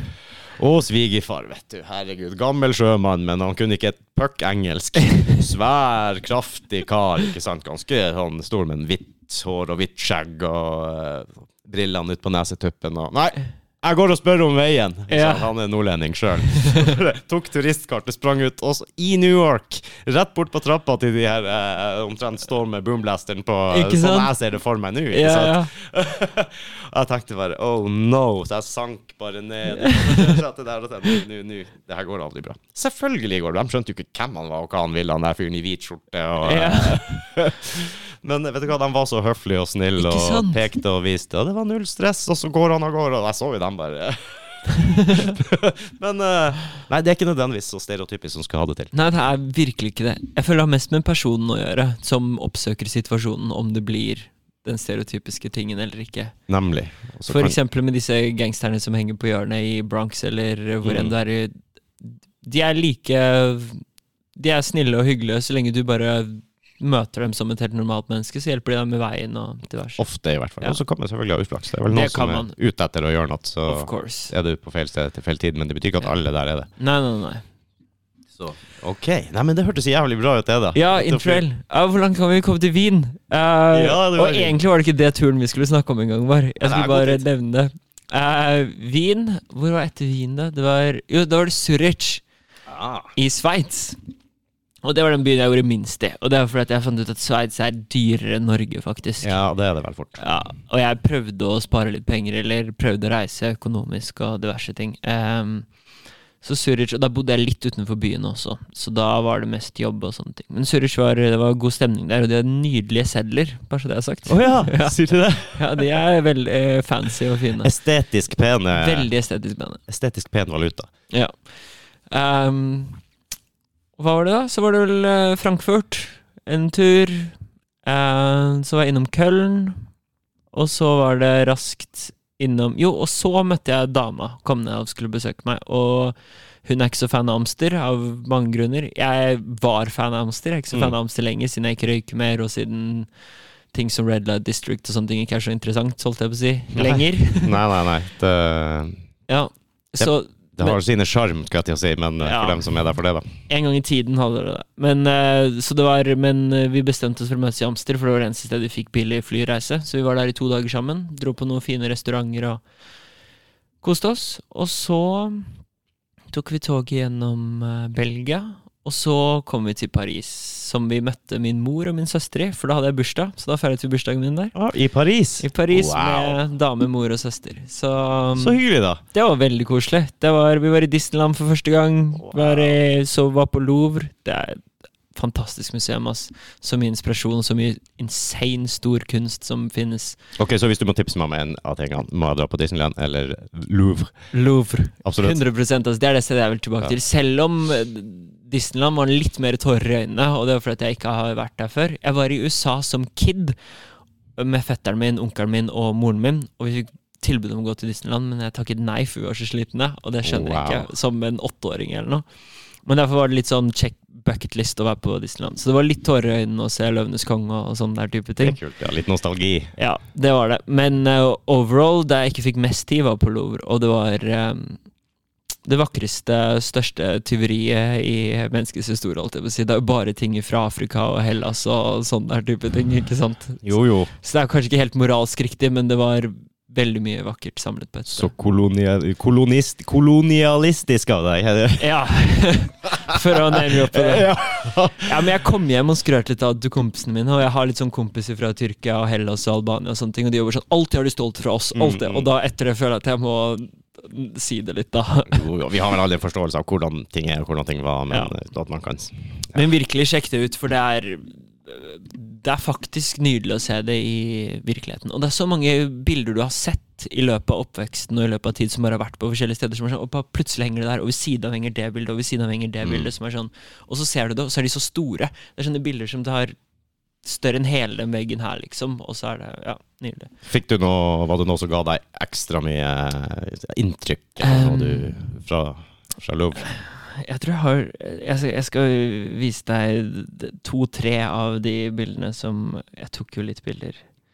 Det ene som jeg er veldig fan av, og det er for jeg har lest mye eh, Jeg liker å lese, og jeg har lest eh, Dantes Inferno og Mm. liksom eh, Det heter jo ikke det, det heter Divine Comedy, og så har jeg lest Paradise Lost, og fra Paradise Lost Mm. så er det et bilde som heter eh, eh, eh, Purgatorium, er det det det heter?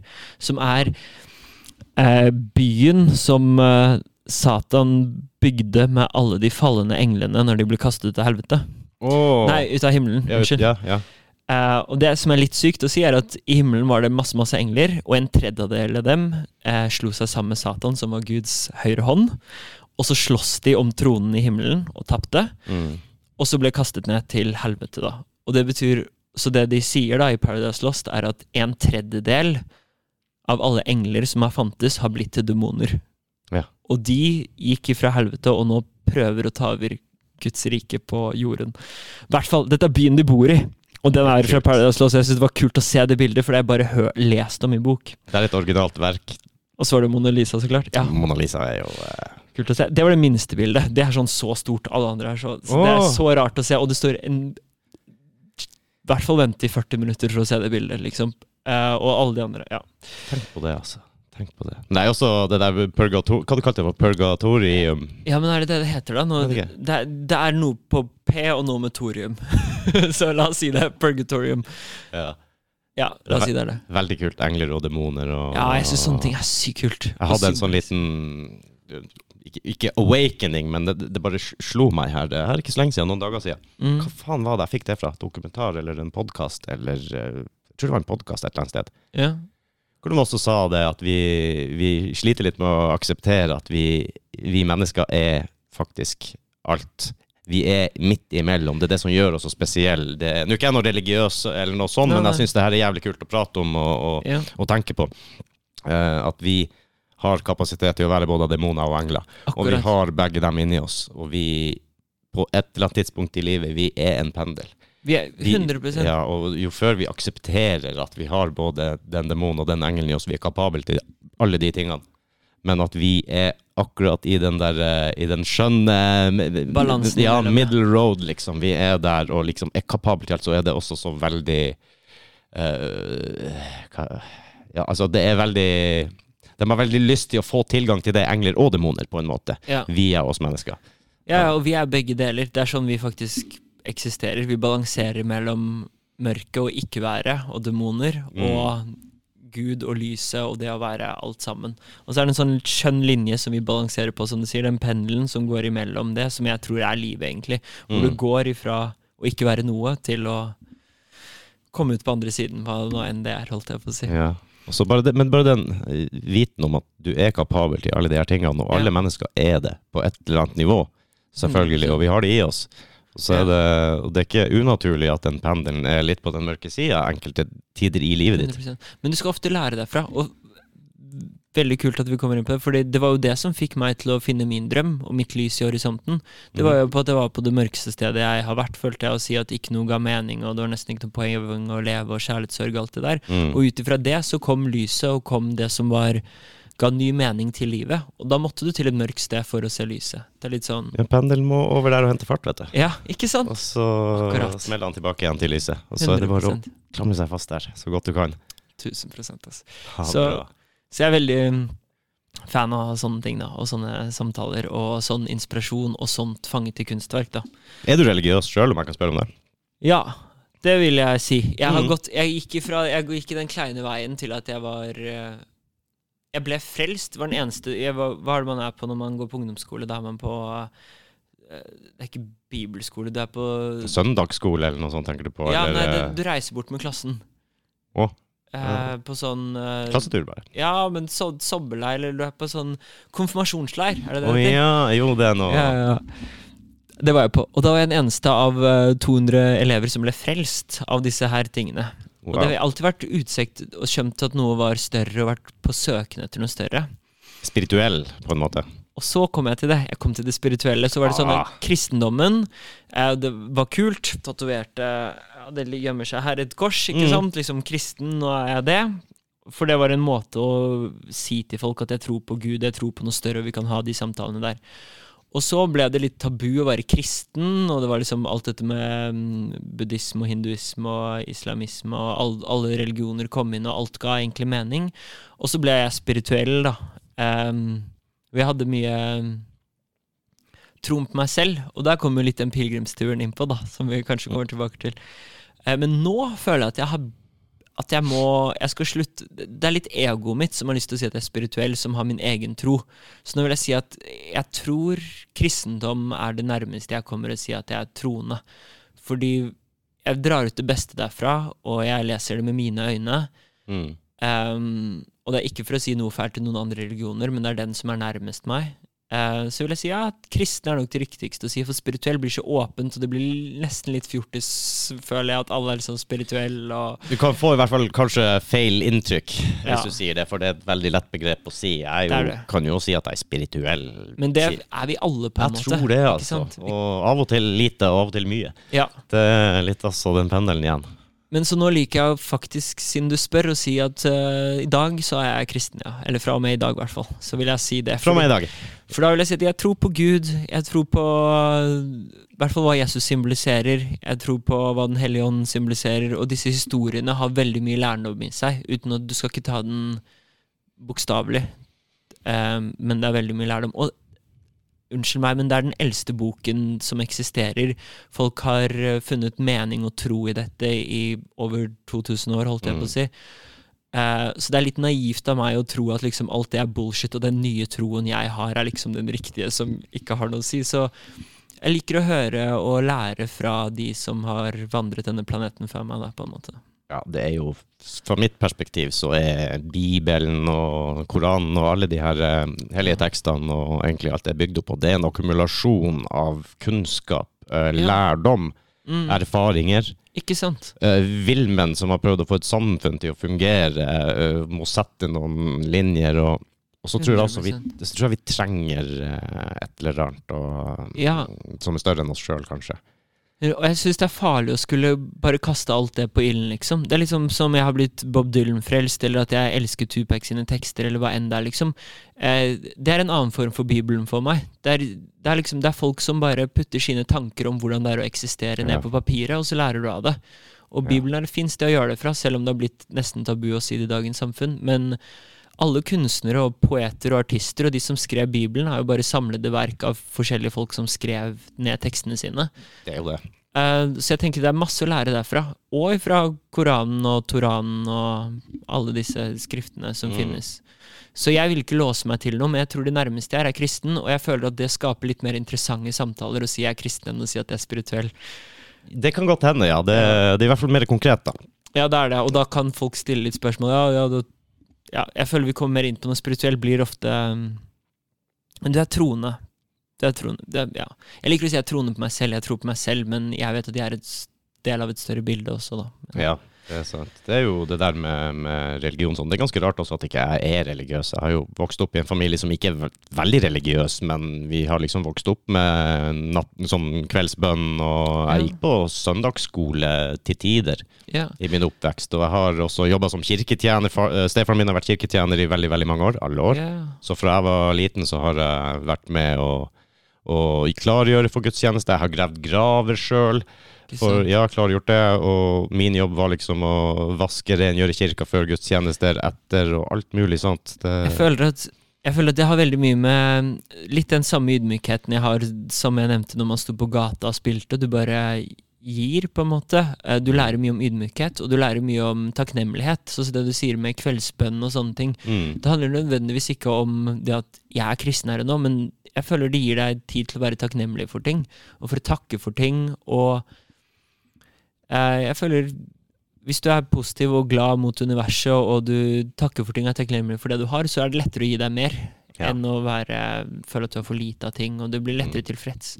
Så det skader ikke noe å være troende da, eller kristen. Og, Det gjør ikke det, og det er litt rart at ikke jeg havna der, men jeg, jeg har eh, absolutt noen av mine beste opplevelser direkte tilknytta til kristendommen ja, og kirke. ja, Og alt. Jeg trivdes veldig godt. Det var et veldig bra sted for meg å være. Selv uansett om jeg var 10 år, 13 år, jeg vet ikke når jeg begynte med det her i starten. ikke sant? Jeg var, hadde mye å gjøre. Vi måtte finne på ting å gjøre når vi gikk på skole. Jeg jobba på fiskebruket på vinteren, bondegården på sommeren. Uh, tok de her kirkejobbene, uh, hjalp stefaren min, eller gjorde noe ikke han kunne.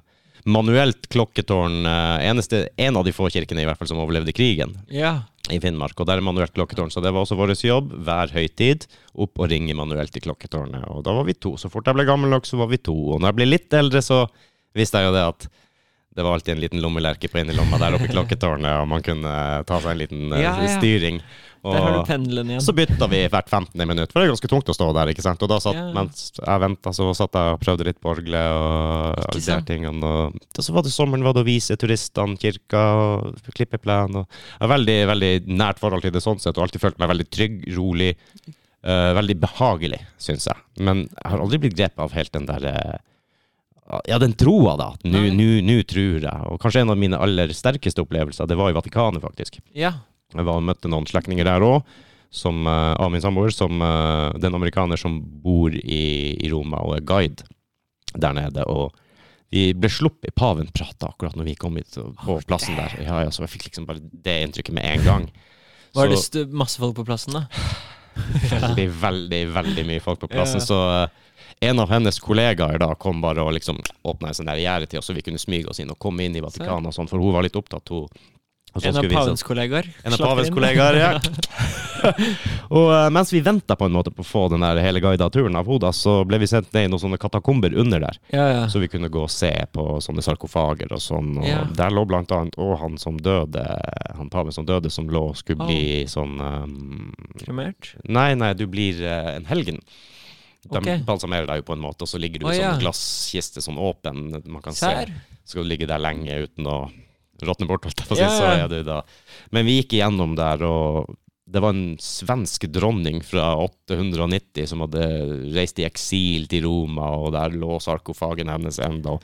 Når jeg kom ned dit, det var rett ved siden av Sankt Peters grav også, ikke sant? Eh, Den, den der følelsen jeg fikk, eh, gåsehud full, altså inn og? Det var så fascinerende, så du kunne kjenne det vibrere på kroppen nedi der nesten. Jeg følte det skikkelig, men yeah. igjen, jeg gikk der, eh, derfra med en utrolig god følelse, kul opplevelse og alt det, men fortsatt ikke, ikke den at jeg følte at nå kanskje jeg skal ja. Eller at jeg er direkte religiøs, da, men Nei. jeg, hele den opplevelsen, hele den stemninga rundt det, jeg elsker det. Så det ja, ja. har ikke noe negativt. Men det er kanskje nok? Trenger ikke å være mer, kanskje?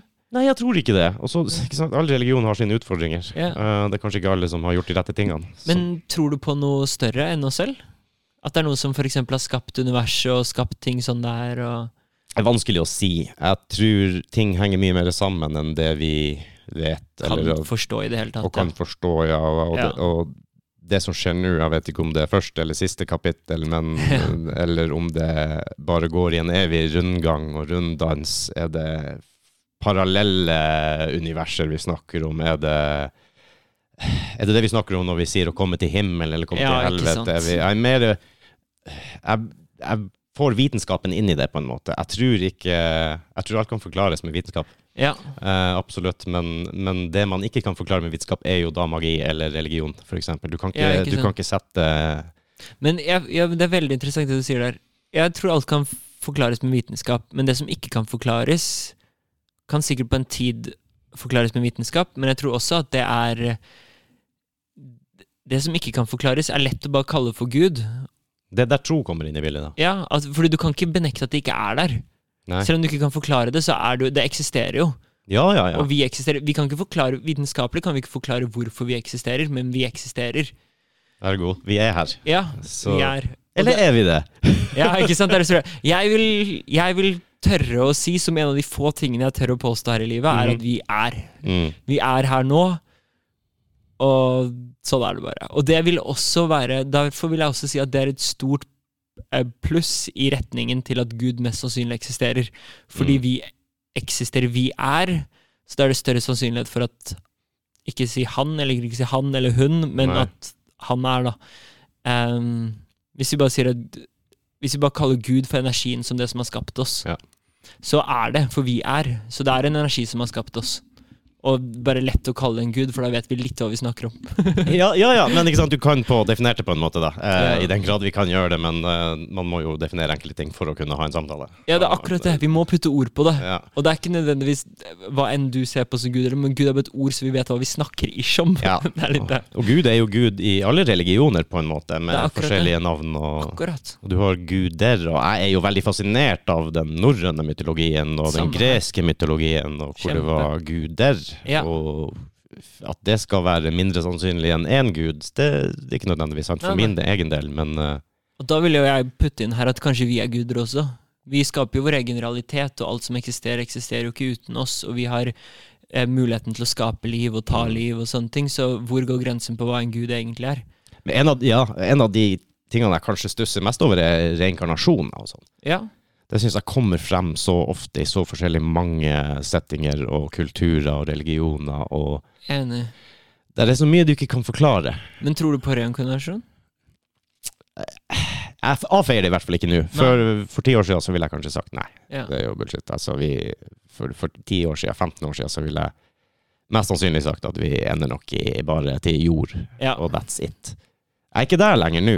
Nei, det kan være at man blir litt eldre kanskje, og blir litt mer reflektert. Kanskje man får tida til å tenke over ting. Ja, ja. Og ha samtaler om det. Mer åpen for å ha en ordentlig samtale om det, og, ja, og høre om ting du kanskje ikke nødvendigvis tror på umiddelbart, men fortsatt ta det til deg. Være villig til å lytte, ja. Ja, absolutt. Ja. Um, så jeg er i en fase nå hvor jeg heller kanskje litt mot at det, det er nok ikke slutten, selv om eh, Nei. vi går i jorda eller på bålet, eller hvordan, vi, hvordan, hvordan det ender. Ikke sant? Men om det eh, om jeg kommer tilbake igjen som en gresshoppe hvis jeg har vært eh, en dusj, eller, eh, eller sånn Jeg eh. Ja.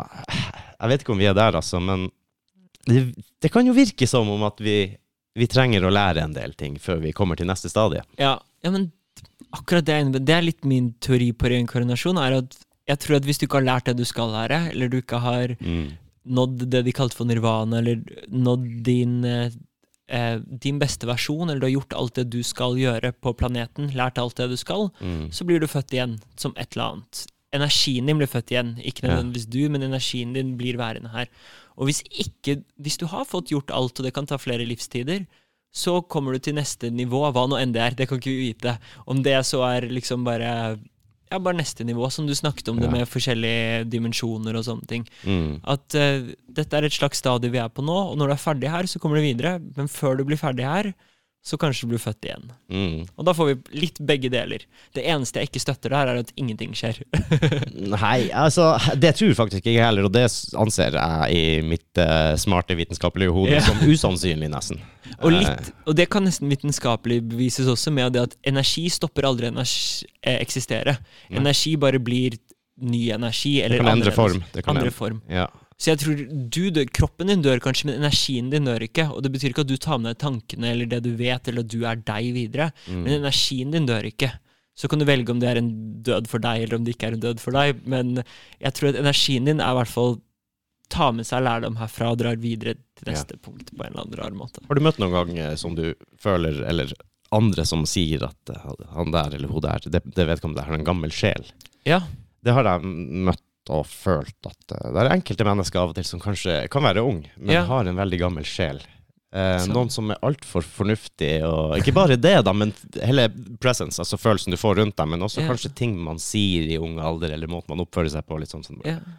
Altfor, altfor uh, opplyst til å akkurat det. Jeg er veldig fan av det begrepet. mm. Yes. Og så er det jo veldig mange seriøse universiteter som driver og forsker på det der med tidligere liv og barn og sånn, og som jeg syns er veldig interessant. Du kan ikke feie det under teppet. Eh, jeg er også Jeg er også en skeptiker, ikke sant? Ja. Så det er en, en balansegang, det der, der hele tida. Ja, men, men det tror jeg er så viktig å være. Ja. For det å bare være troende og gi seg selv helt over så da, Det er litt sånn som jeg sier at du må lese Bibelen ikke svart på hvitt, men du må lese det med dine øyne og Mm. tolke det og tenke over hva du leser.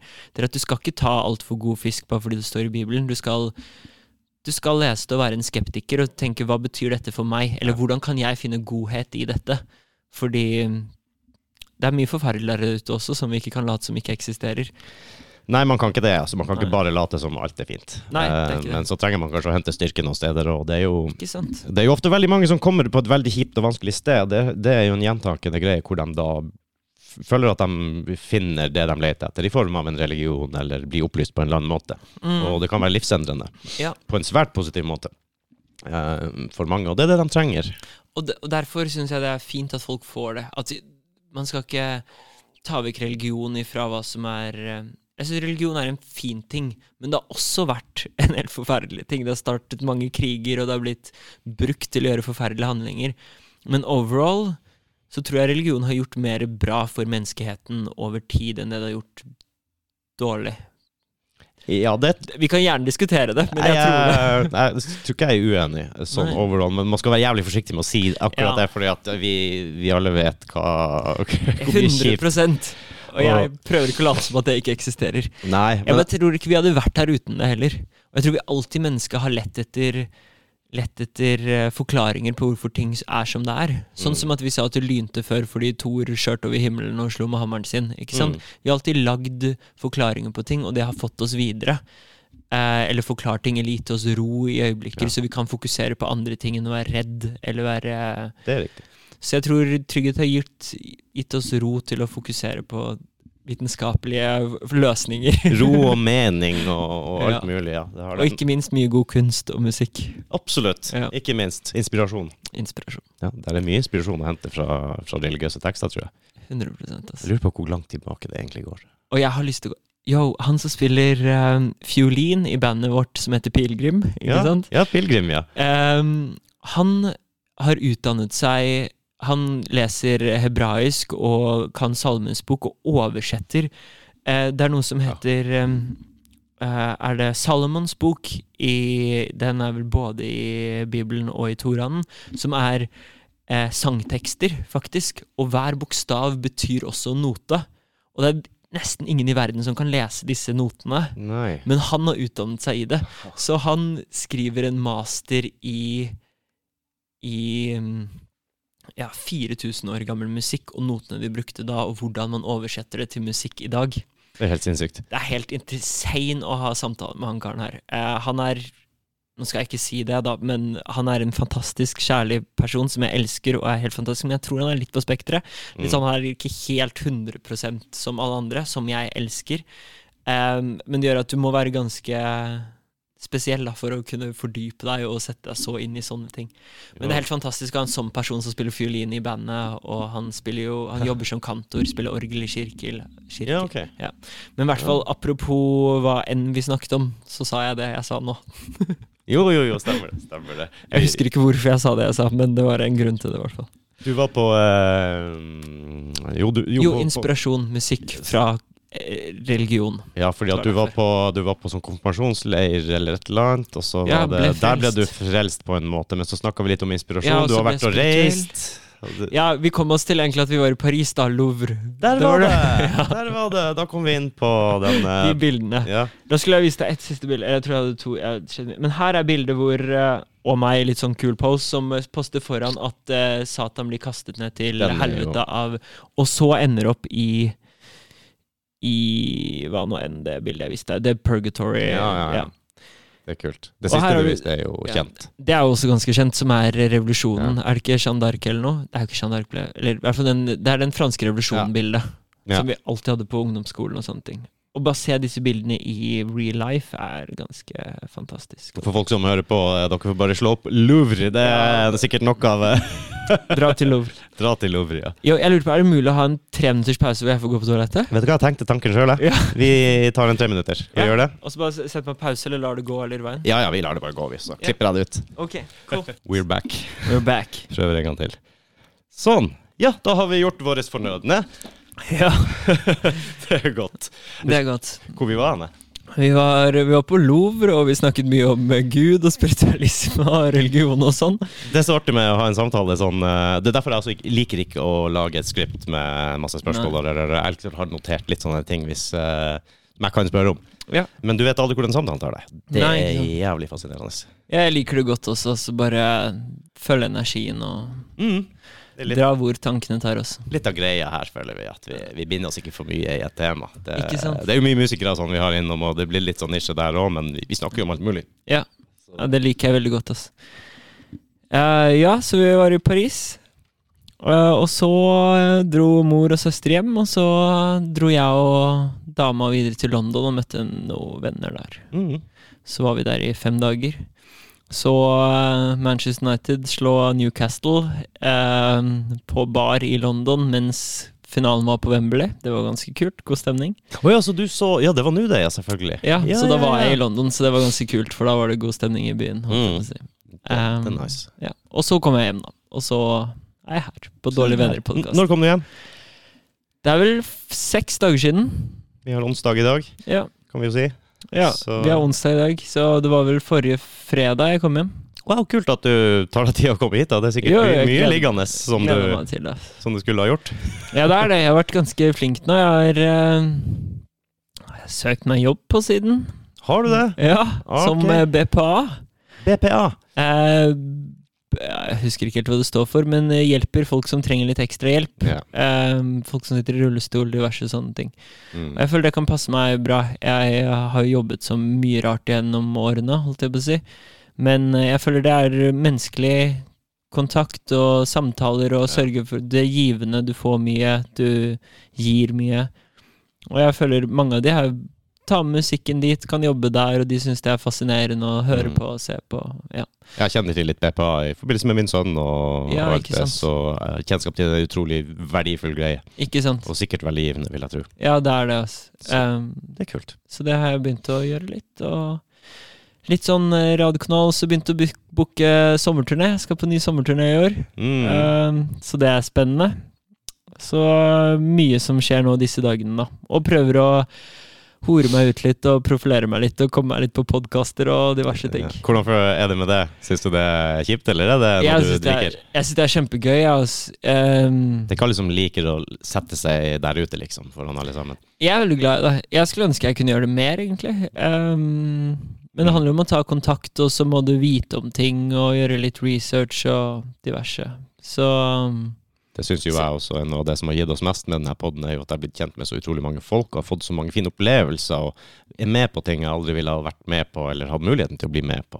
ikke sant? Uh, nye opplevelser, uh, nye arenaer. Uh, ja, generelt nye, nye mennesker. Det, det er kjempeartig. Så. For til nå, Har det vært mest folk dere har kjent fra før, som har vært på podkasten, Nei, i utgangspunktet ikke. I starten var det vel Vi var jo bare noen venner som starta under covid, tidlig covid. For vi var en liten Ja. kohort og savna den samtalen, eh, direkte samtalen uten mobiltelefoner, egentlig. Ja. Og også da savna samtalen til slutt, da, når det Ja, var shutdown og alt. Og så holdt vi da til rett utafor Oslo-grensa, i Rælingen, ikke sant. Vi spilte Mm. inn, så vi fikk ikke de, de strengeste kravene. Så vi kunne møtes en fire- fire-fem personer. Ja. Det vil si at vi var tre, tre stykker, pluss en gjest eventuelt.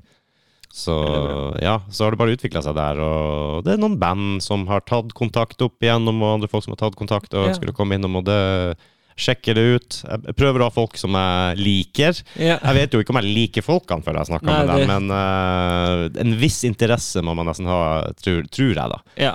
for, for det. For å føre en samtale. Det er, Ja, kan ha, ha interessante samtaler med folk man ikke liker også, men eh, Absolutt. Og så er det jo folk du ikke vet noe om, så du kan ha en kjempefin samtale med Ja. på T-banen. Det skjer kanskje ikke så mye i Norge. Nei, det er noe jeg savner mest, som jeg var veldig glad i når jeg var i utlandet. Mm. Ehm, var jo det å bare snakke med randome mennesker, og hvor åpne de var. Mm. Her er det litt den eh, janteloven at du skal eh, holde deg litt for deg selv og ikke tro du er noe, ikke forstyrre meg når jeg er i min Ja. egen verden. Og, ja. Vi har liksom annen kultur på det i Nord-Norge, tror jeg. ja, det har jeg også fått inntrykk av. For eh, jeg har, etter å ha vært i Oslo mange år, så har jeg ofte fått spørsmål fra folk med, med ikke etnisk norsk bakgrunn, da, Mm. om at de tror at ikke jeg heller er etnisk norsk. Ja.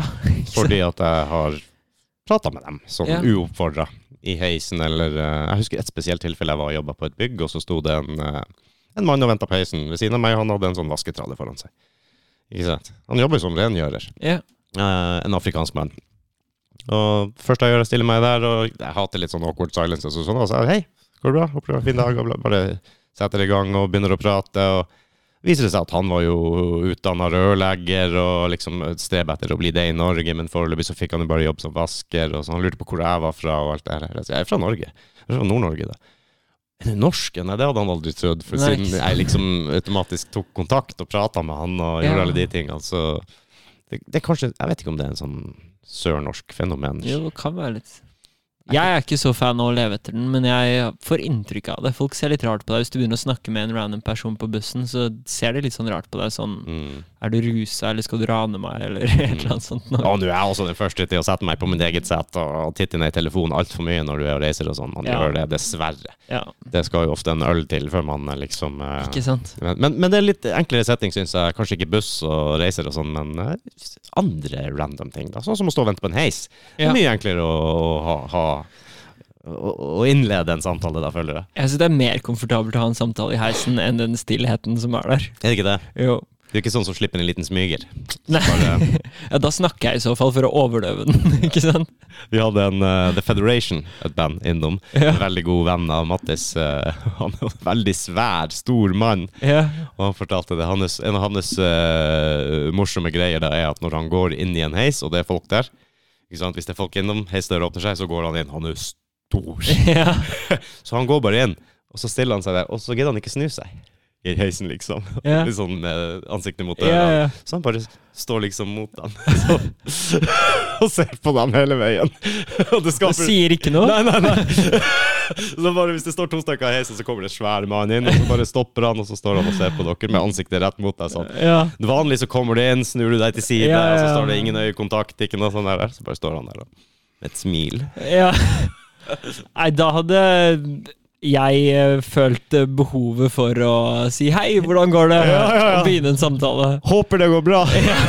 Ja, ja. Håper det går bra. Ikke er det noe problem, for da leder du mot det negative. Du må bare, håper det går bra, har du en fin dag? Ja, det er litt sånn her greie. Er det, er det noe jeg kan hjelpe deg med? Ja, ikke sant? Sånn der, eh, nei, nei det, det, det leder ikke riktig vei, føler jeg. Nei, det, særlig ikke hvis det er en stor mann som står og stirrer på deg. Da må du heller prøve å dra det mot det positive, føler jeg. Ja, ja, ja. Ja. Ålreit, tilbake til deg. ja, kan jeg bare prøve den knappen? Funker den? Den funker. Du må holde den på mikken hvis vi skal få Bullshit alert. den. Ok, mer om meg. Nå kommer det en bullshit alert. Okay. Du har jo, som jeg tror jeg nevnte, masse baller i lufta. Ja.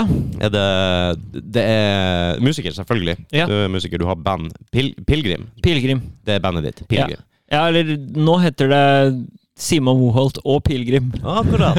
akkurat. Fordi det er jeg som for det meste lager musikken og skriver tekstene og musikken, og så er det litt er det litt Jeg er ganske ny inne i bandverden, holdt jeg på å si. Em, band har jeg bare drevet med i to år nå, holdt jeg på å si. Kommer jo fra solokarriere og hiphop, så så band er ganske nytt for meg, så jeg har funnet ut at det er ikke bare å finne en trommis og en gitarist og en bassist. Det er liksom, det skal være riktige folk, og de skal ha litt samme visjon, Ja, du skal ja. like dem. Og, så det er stadig under utvikling. Um, og så har jeg funnet ut at mitt navn har jeg bygd opp greit nok til å få en del spillejobber og sånne ting, så jeg føler at det hjelper litt å ha det navnet Mm. tilknyttet til bare Pilegrim. Em, så Simon Moholt og Pilegrim heter det akkurat nå. Ja, men det er en bra greie, det. Ja. Ja, ja, absolutt. Du har, uh, har du også plateselskap, eller misforstår Ja, det? Du Det er uh, Kult Kaos her. Det er kult kaos. Kult Kaos som er um, Det er jo det at em, for å leve av musikken trenger du flere band å stå på, men det er Kult eh, Kaos som er hele greia. Så er det Kult Musikk, og så er det Kult Videos og Kult eh, TV, faktisk. Det er Kult Clothing, det er Kult Art. Så det er Wow. masse forskjellige kategorier. Der er ideen er litt at alle skal få leve av drømmen sin. Og vi bare slår oss sammen, masse kreative folk, og Mm. hjelper hverandre opp, da. Og så har du en musikkvideo fyr, om det er et navn, som liker å lage musikkvideoer. Og så har du en musiker som kan jobbe sammen, og så er det noen som lager kunst. og nå i fjor, i august, eh, 22. august var det vel, så hadde vi første Kultfestivalen.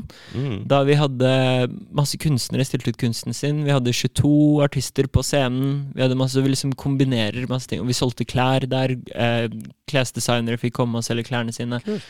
Så blir det litt sånn Det skal ikke være undergrunn, det skal ikke være kommersielt. Det skal være litt vår litt egen verden der eh, folk kommer. Så det skal ikke være sånn popmusikk. Det skal være folk som har litt sånn sjel og litt sånn Mm. Litt spesielt de som kanskje ikke lettest kommer seg på radioen fordi det er litt sånn Er dette kult, er det ikke kult? Så er det kjempekult, men det er litt skummelt å prøve nye ting på radioen. Ja.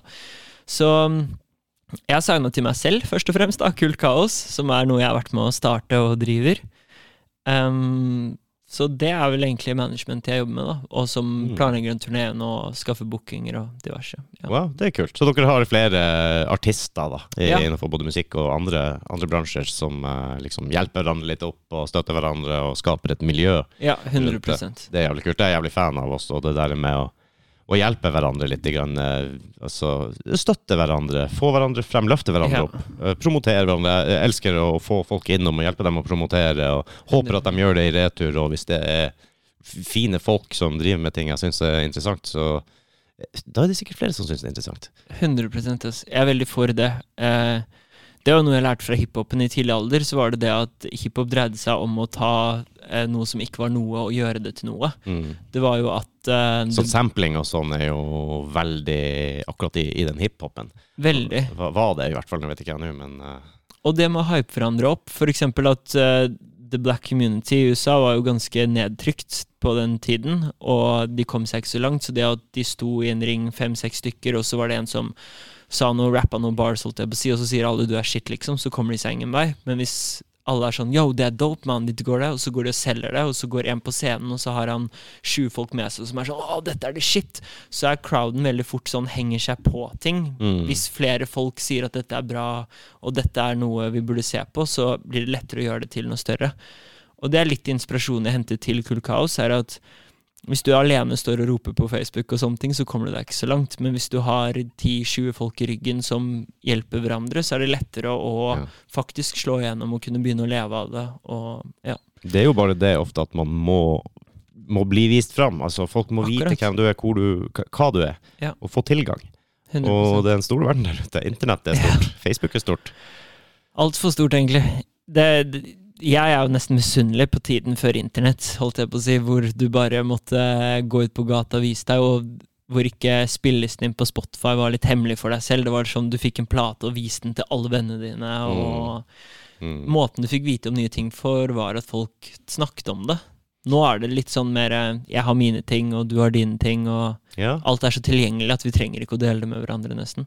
nesten ikke. Ja. Fortsatt så- er det sånn, tror jeg, at det er den der um, munn til munn, holdt jeg på å si. Altså, det er å være der ute. hvertfall. Ja, jeg tror det, og jeg tror du faktisk når vel så mange nesten Uh, Selvfølgelig å gå viralt med et eller annet, det Ja. kan du ikke slå på en måte sånn, men å være der ute, uh, prate med folk, vise deg frem. Det er sånn jeg får alle mine supportere, holdt jeg på å si, og alle, alle nye fans jeg får, er via at jeg har spilt konserter, og folk har vært her for første gang og sett det, og så Ja. går de hjem og hører på det og diverse. Det er sjelden folk greier å søke seg fram til å finne Nemlig. meg uten noe grunn bare på Spotify. Men hvis de møter meg face to face, Mm. eller de er på en konsert tilfeldigvis, da skjer det, ikke sant? Det er jo sånn, jeg også, det kan jeg relatere til, ikke sant? Jeg har vært på, og skal se et band, og så er det et oppvarmingsband jeg ikke har hørt om, som bare feier meg av banen, og så Ja. det første man gjør, man kommer hjem er liksom bare, ok, nå må jeg gjøre litt eh, hjemmelekser her, litt research, hvem er det her, hva har de gitt ut, hva, når kom det? 100%. Og da, da begynner du, men det, det hadde jeg aldri visst hvis jeg ikke hadde dratt dit, eller, eller hvis de ikke hadde kommet. Da vil jeg bare name fast også at uh, som Simon Moholt-artist så har jo jeg gitt ut masse musikk, eh, fordi jeg greide ikke å vente på det. Og litt dagen vi lever i i dag, er at du gir ut én singel, og så blir det kjempehype rundt den, og så Mm. får du spilt den på P3 og diverse, og så kommer neste singel, og så bygger du opp sånn. Mens jeg har bare gitt ut album på album og album, og det er nesten ikke en ny artist lenger. Eh, så det jeg prøver å gjøre litt med Pilegrim, er at Pilegrim har ennå ikke gitt ut noe offisielt. Vi har, vi har konserter, vi har spilt på Rockefeller og John D Ja. og liksom store scener, men vi har ikke gitt ut noe. Og det er fordi at nå prøver jeg for en gangs skyld å spille litt etter samfunnets regler. At vi skal gi ut én singel som slår litt an, og så skal det bli litt hype og diverse. Men derfor heter det også Simon Walt og Pilegrim akkurat nå. Sånn at når folk er på konserter og de går hjem og søker, så finner de noe, i hvert fall. Hvis de bare hadde søkt Ja. Pilegrim, så hadde de ikke funnet noe, og da mister du litt av det. Men nå som det heter Simon Wolt og Pilegrim, så finner du i hvert fall alt jeg har gjort tidligere, som er Mm. litt i samme kategori som Pilegrim, i hvert fall. Og det er kanskje ikke den dummeste strategien heller. Som du sier, du har fundamentet. Eh, Ja. Du har eh, kartoteket, biblioteket. Du har Ja, eh, altså Diskografien. Diskografien. Ja. Du har, uh, Hvis folk hører noe som virkelig treffer dem, bare oi, og så hadde de dratt hjem og så hadde de søkt, og så hadde de bare funnet den ene singelen du ga ut for Ja. uh, seks måneder siden. Ja. Og så er det ikke noe mer der, så må de vente seks måneder til før du kommer med neste. Ja. Kanskje det er mange som ramler av lasset litt, og så følger man ikke helt med, og så, og så mister du det. 100 altså. Så det kan være en fordel det du har det arkivet å ta av, bare. Jeg husker Ja. når, jeg, når jeg fant et nytt band som hadde gitt ut tre album, Ja. og den første låta jeg hørte med dem, digger jeg. Ja, det, det er sånn, fantastisk, ass. Å, nå gleder jeg meg! Sant? Det her er, det er en helt, nå har jeg uker på uker med nytt materiale å bare høre på. it. Ja, jeg, er sånn, jeg elsker å høre musikk mens jeg kjører bil. Ja. Det, det er altså så fantastisk. Men da er det ofte som regel den eneste settinga jeg har hvor jeg alene kan liksom eh, styre alt sjøl og plage ringen med, med synginga mi. Jeg driver og tar lappen nå, ass. Du gjør det, ja? Jeg har ikke lappen ennå. Jeg, har hatt- jeg har hatt teoriprøven, men det har gått så lang tid siden jeg tok teoriprøven at jeg må ta teoriprøven på nytt. Oi! Så jeg tar teoriprøven i morgen, faktisk. Har du det? Ja. Men jeg gleder meg så mye til å kjøre bil og høre på musikk. Det er liksom grunnen til at jeg tar lappen nå, egentlig. Hører du på din egen musikk? Nei. Du gjør ikke det? Eller jo, musikk jeg ikke har gitt ut, hører jeg på. Ja. Men, Men, ting jeg har gitt ut, da er jeg så å si ferdig med det. ass. Jeg hører på det når andre setter det på, og jeg hører på det når jeg spiller det live. Men det er veldig sjelden jeg sitter hjemme og hører på musikk jeg har gitt ut tidligere. mm. Det, da hører jeg heller på ting jeg jobber med. Det er ikke sånn at du har laget en låt Det her var fett, ass. På Jo, kanskje sånn Kanskje sånn um, rett etter det er gitt ut. Men jeg har hatt et Mm. sånt issue med at jeg bruker for lang tid på å gi ut ting. Jeg har så mye liggende hjemme på PC-en min, og målet mitt nå er å komme litt tilbake til det vi snakket om, var at jeg bare lager en låt og gir den ut. Mm. Men jeg har hatt så mange ting, så jeg lager nå, og så går det ett og et halvt år før jeg har gitt den ut. Og da er jeg så drittlei den når den kommer ut. ikke sant? Jeg har nesten ikke lyst til å høre den igjen. Er ferdig med den på en måte. Ja. Så det har hatt litt problemer. med. nå er litt målet det å bare lage musikk, gi det ut. Lade musikk, gi det ut. Innen et par uker, liksom. Mm. Og da tror jeg jeg kan nyte musikken når den har kommet ut, for da har jeg ikke stuka med den i to år for å få Nei. den ut, ikke sant. Du kjenner den da allerede inn og ut, så godt Ja. du kan. Ja. Ja, er vet jo det at. Ja. Nei, det er ikke det. Jeg vet jo det at det er mange som uh, jeg, jeg prøver jo jeg, Når jeg redigerer og sånn Nå er det ikke bare jeg som redigerer, men jeg gjør en del av det, og da er jeg jo nødt til å sitte og høre på meg sjøl prate. Ja. Shit. Du lærer jo mye av det. ja, det gjør det. Gjør det. Jeg hører jo standup-komikere og sånn. eh, alle standup-komikere har jo podkaster. Og Ja. de sier jo alle sammen det at å sitte og høre på sitt eget materiale er veldig givende. Ikke fordi at de nødvendigvis syns det er så urkomisk, Ja. men du, du hører hva du får respons på, du, eh, du hører hva som går bra og ikke bra. Og det kan jo jeg også få hvis jeg sitter og redigerer. Og så bare, Oi, hvorfor formulerte jeg meg sånn? Det kan, ja. det kan jeg lære, lære av. Veldig mye å lære av det. Men musikk er kanskje Altså det er noen få minutter med, Ja. med noe kunstnerisk inni der. Det er kanskje ikke så mye du får igjen av å sitte i etterkant og høre Nei, særlig ikke noe som er produsert livemusikk. Så prøver jeg å ta opp mye av det jeg gjør live, selv om det ikke er nødvendigvis beste lydkvaliteten eller filmkvaliteten. Så prøver jeg å ta det opp, for det lærer jeg mer og mer av, særlig siden band er så nytt for meg. mm. Så lærer jeg mye av å um, se på meg selv f.eks. ha spilt live, da. Hvordan jeg kan gjøre det bedre, eller hva som Nemlig. ikke fungerer helt, og diverse. Det kan nok være mye å hente der, ja. Ja, det kan live. det sikkert være. Kan jeg spørre, har du noen sånne ordentlig høydere live? Er det noe som peker seg ut, en opptreden du har hatt live som virkelig sitter, som du, du tenker Oh. på? Um, og det er et godt spørsmål. Uh, første jeg husker jeg hadde, det er en del i nyere tid, men som første jeg husker, var at uh, det var med folkehøyskolen. Mm. Da var vi i New York. Jeg rapper på norsk. Vi var i New York, vi var på Apollo Theater. Big Apple. Ja. Hæ? Og det er jo stedet der Michael Jackson, Diana Rose, alle disse her breaket gjennom første gang. Det er første stedet i verden som hadde åpen scene for hva heter det, talent show, eller open night mic talent show-type Mm, ting. Mm. Apollo Theater. Um, og så var vi der på omvisning, og akkurat den kvelden vi var der, så hadde de audition for open mic, for nå er det ikke bare open mic lenger, nå må du på audition for å komme Ah. inn og spille der, ikke sant? Så salen var full av uh, afroamerikanere, holdt jeg på å si, fra Bronx og Harlem og Brooklyn, som Apollo Titel ligger i, som skulle på open audition. Mhm. Og så står Mr. Apollo på scenen og er sånn Ja, eh, i dag er det audition night. Vi har en eh, skole fra Norge her som skal se på dere litt, og diverse. Og de er også en musikkskole. Og så spør han er det noen av dere som har lyst til å komme opp og vise noe. Og alle bare snur, for gjerne er eneste rapperne, så alle bare snur seg. Simon, du må på rappe, du må på rappe. Og så jeg bare ok, fuck it, jeg må benytte denne sjansen, ikke sant. Så går jeg opp på scenen på Pole Theater. Der er det sånn Før du kommer opp der, så er det det er et stort tre som sto utenfor Apollo Theater, som ble hugget ned av staten. Som var liksom The Apollo Tree, på en måte. Oh, ja. Så de har tatt hele roten og stammen inn i som står før du kommer på scenen. Så der sto bare stammen, og så skal du gnikke på den for good hell. Og det har alle Michael Jackson alle gjort før det. Så går jeg opp der og gnikker på den. Bare føler at dette her er jeg skriver min egen historie. Og så går jeg opp der, og så skal jeg rappe på norsk da foran masse eh, eh, afroamerikanere og rappere og forskjellige dyktige musikere. Så går jeg opp til å starte. Og så er det en låt som heter Blå, der refrenget går et eller annet sånn um, ehm, Poenget i refrenget går sånn Så de kaller meg for blå, blå, blå, blå For denne veien her er lang, den veien vi må gå. Vi lever en gang, så la meg leve nå. Så de kaller meg for blå, blå, blå, blå et eller annet. Og så er det masse sånn eh, kjærlighetssorg. De skjønner jo ingenting, men når jeg kommer til refrenget Så er jeg ganske mye energi og sånne ting når jeg rapper Så kommer jeg, så de kaller meg for blå, blå, blå, blå. Og så gjør jeg det to ganger, og Apollo bare kommer inn bare!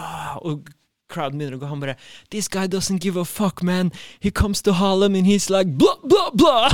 Jeg trodde jeg hadde Ja, ja, skytelyder, ikke sant? Så han bare He doesn't give a fuck, this white boy standing here in front of all of you. Just a blah, liksom. blah, blah. og alle bare klappet, og jeg var sånn 18 år eller noe da, så det var ganske høydepunktet av politiet klapper for deg, fordi de følte meg, selv om jeg var en hvit gutt som var liksom gangsterrapper, selv om det bare var kjærlighetssorg den handlet om. Men uh, Det jo høres jo helt nydelig ut. Ja, det var ganske fantastisk. Ja, Um, jeg ser det for meg, faktisk. Det, Ja. det, nei, det, det må være magisk. Og bare det der som du sier, å gå inn på Apollo Theater og så bare rubbe den der stokken Du vet hvor mange hender som har vært på, Ja, på den stammen der. du føler du skriver litt i din egen Jeg har en stor drøm og visjon og sånne ting om at eh, Norge er bare første steg, ikke sant? og så Mm. skal du ut i verden og diverse. Og da føler jeg at på et tidspunkt, når de kan skrive det på Wikipedia-siden sin etter alle de navnene som har startet der, så føler jeg at de kan putte på Simon der også, som har stått der, ikke sant? Og det føler jeg er selv om det kanskje ikke betyr sykt mye akkurat nå i lille Norge og Oslo, at det bare er en Mm. tilfeldighet, så for meg selv så føler jeg at det er en del av historien, ikke sant. Fantastisk. Ja, og så har det jo vært mye i ettertid. Jeg har spilt på Rockefeller to ganger, som har vært episk. Det er, eh, jeg har spilt eh, Selv om det kanskje ikke er det kuleste showet, så er det kult å ha spilt der, liksom. Eh, Jeg har spilt på mye festivaler, men mye kule show. Så har vært liksom på Gamla, John D, Uhørt. Mm. Det beste er jo når crowden er ordentlig med og tar av.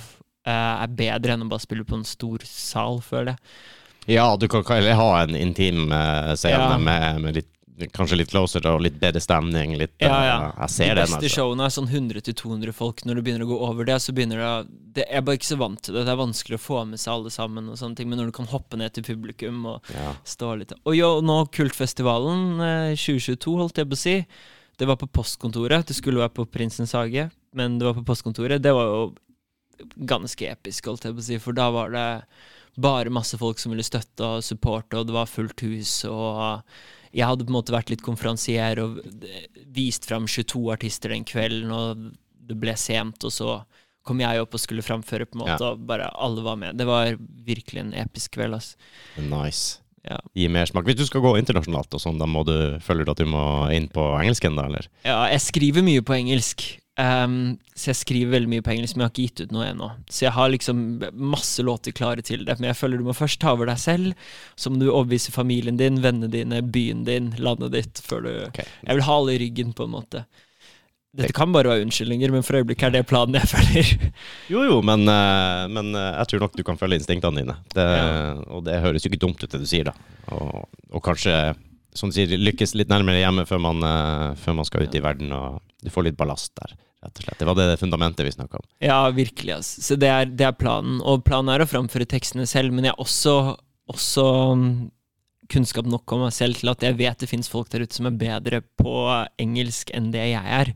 Jo, jo. Så det er jo egentlig engelsk på et tidspunkt kan godt være for meg at jeg tar med selskapet ut, og at jeg produserer all musikken. Jeg skriver alle tekstene, men kanskje Adele kommer og synger den teksten, eller Rihanna synger den teksten. Yeah. ikke sant? Så er det fortsatt min låt med Rihanna, jeg har skrevet alt, produsert alt, men hun kanskje bare synger teksten fordi det gjør det litt lettere å nå ut til folk enn at en litt sånn gebrokken engelsk-norsk kar skal gjøre det. Jo. Men det er veldig mange som, eh, som gjør det bra med akkurat det. Vi har jo faktisk Ja. en del norske veldig flinke låtskrivere som, 100 som har store artister som Ja. fremfører verkene deres, om man kan si det sånn. Ja. Det må være veldig, veldig rart hvis du får en av de der uh, de virkelig store i LA, liksom.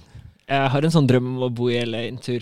Jeg skal ikke ende opp der, men jeg skal være der en periode, har jeg veldig lyst til. Å bare føle på den stemningen og føle at jeg har vært en del av det miljøet på et tidspunkt. Og Mm. gjøre min greie der. Ja, Det er en drøm, i hvert fall. Det er en drøm, ja. Du setter deg ikke opp noen sånne tidsplaner, og innen da så Jeg skal har jeg være visse tidsplaner. Jeg har det. Jeg har fremgangsplaner og ukentlige mål og Ja, ja, ja. ja. føler du, at du, du er nødt til å oppnå visse ting innenfor en viss tid, eller har du liksom det skjer Nei. det skjer, og Jeg har, jeg har visse ting jeg føler jeg må oppnå, og så er det visse ting som er sånn Det blir bare en cherry on the top, på en måte. Og Det er en drøm, og jeg er aldri redd for å drømme stort, men jeg vet også at ofte sikter du på stjernen og lander på månen, holdt jeg på å si. ja, det kan godt hende, ja. Ja, Ting, det, ting blir vel aldri sånn som du planlegger Ikke sant. Og da tenker jeg det er bedre å drømt for stort og lande for kort, enn å drømme for kort og så fortsatt lande for kort, på en måte. Ja, ja, ja. Det verste som må være, er, er nok å sitte der og tenke hva om? Enn Mhm. hvis jeg hadde faktisk satsa på det, eller eh, at du rett og slett bare begrenser deg sjøl. Ja. Og så oppdager du det etterpå, at du har begrensa deg sjøl. Ja, det, det er noe jeg virkelig kriger med meg selv på. For jeg føler ofte at jeg kunne gjort mer, at jeg ikke har fått nok ut av dagen. Eller at nå har du mm, sett på en serie i to timer eller tre timer, og så er det sånn Tenk om jeg bare hadde brukt det til å gjøre det, eller Så det, det er litt tanker som hunter meg til tider. At jeg føler at jeg kan bruke tiden min bedre. Men det er noe jeg jobber med også daglig, da. Men, Det relaterer jeg til. Jeg er akkurat Ja. lik. Ja, Eh, ja, hvis jeg sitter og ser på noe på TV, mm. jeg får dårlig samvittighet umiddelbart. ja, ikke sant? Jeg burde være og gjøre noe annet. Ja. Hva, det her gir meg egentlig ingenting. Av og til så gir det meg faktisk noe. Fordi Ja, men- eh, det er noen små gleder i livet, det òg. Det er det. Det er en balanse, ikke sant, igjen. Du Ja. Absolutt. Jeg tenker nå burde jeg ha trent, nå burde jeg ha jobba med podden, jeg burde ha laga et tilbud på jobben, jeg burde Ja. ha ringt 100%. den personen, eller eh, ikke sant. Så sitter du nå bare Nei, han Seinfeld, han var nå artig i dag. ja. ikke sant? Så der, eller. YouTube, det er jo rabbit holes overalt som bare sluker deg. Og tida går så fort Det gjør det. når du blir sittende med et eller annet. Det er farlig hvor fort det går i forhold til når du sitter og jobber, eller hvis du går og trener. Det kan gå fort av som hvis du skal sitte og pugge på gitar, Mm. i forhold til hvis du bare ser en serie. Det er år forskjell på hvor fort tiden går. Ja, ass. liksom blåse gjennom hele Game of Thrones. Hvor faen ble det av helga, liksom? Ja. Det kjennes ut som det bare er fredagskvelden fortsatt. Nei, det, det blir mindre og mindre av det på meg. Det begrenser seg naturlig nok. Jeg har ikke tid Ja. til så mye, mye sånt, og det, det trives jeg med, egentlig. Men, Ja. men det er jo det er mye kultur du går glipp av, da. Folk Ja, er snakker jo om ting, og Ja, hvis ikke du Nå leser man jo media mye, da. Jeg leser jo mye aviser og sosiale medier. Du får jo med deg mye der, men du får jo ikke den der direkte inputen fra beste sendetid på TV, sånn hvis ikke du sitter, sitter her og ser. Og det føler jeg har vært litt dårlig på. Jeg har levd veldig mye i en boble, føler jeg, de siste årene. Mm. Der jeg ikke har fått med meg engang hva overskriften er, eller hva som skjer på sosiale medier, eller på TV, eller nyheter. Så jeg ønsker faktisk å se litt mer på nyheter og TV, og sånt, men mer istedenfor bare sånn uh, Seinfeld-type ting, så ønsker jeg å se mer ting som faktisk Hva skjer i verden akkurat nå? Mm. For jeg føler det er litt viktig å vite også, og ikke bare sitte i sitt eget hue og stuke rundt, holdt jeg på. Jeg er enig. Jeg prøver også Jeg prøver å Jeg får ikke så mye av det som skjer ute i verden fra nyhetene eller fra God, God morgen Norge eller whatever. Jeg prøver å hente det fra flere forskjellige kilder og oppdaga det at ofte så blir du sittende og høre på det du vil høre. Ja. Det er litt skummelt når du lever i bobla di. Ja, ja, ja. Jeg tok meg sjøl i det, for det var et eller annet, en, et eller annet eh, tema. Jeg husker ikke hva det var, viktig tema. Om det var covid eller krig eller eh, Jeg vet ikke, det var et eller annet sånt. ja. Og eh, så kom det en annen mening inn i bildet der, inn i den diskusjonen jeg hørte på. Og eh, jeg bare liksom begynte å avfeie det med en gang. Jeg har ikke lyst til å høre på det her mer. Ikke sant? Han sier ikke det jeg vil høre. Nei. Så jeg begynte bare å- Jeg måtte stoppe meg sjøl, bare. Nei. La oss nå høre hva La oss ikke sitte i et ekkokammer her nå. Ja. La oss få ting inn. Så jeg bruker med vilje å utsette meg nå for ting jeg litt sånn bra. opposite av eh, det jeg kanskje tror og tenker sjøl, og folk som er helt lik meg, og bla, bla, bla. Ja. Så prøv, og det kan være jævlig ubehagelig, altså. ja, det kan det, men det er, du vokser, og det er veldig viktig.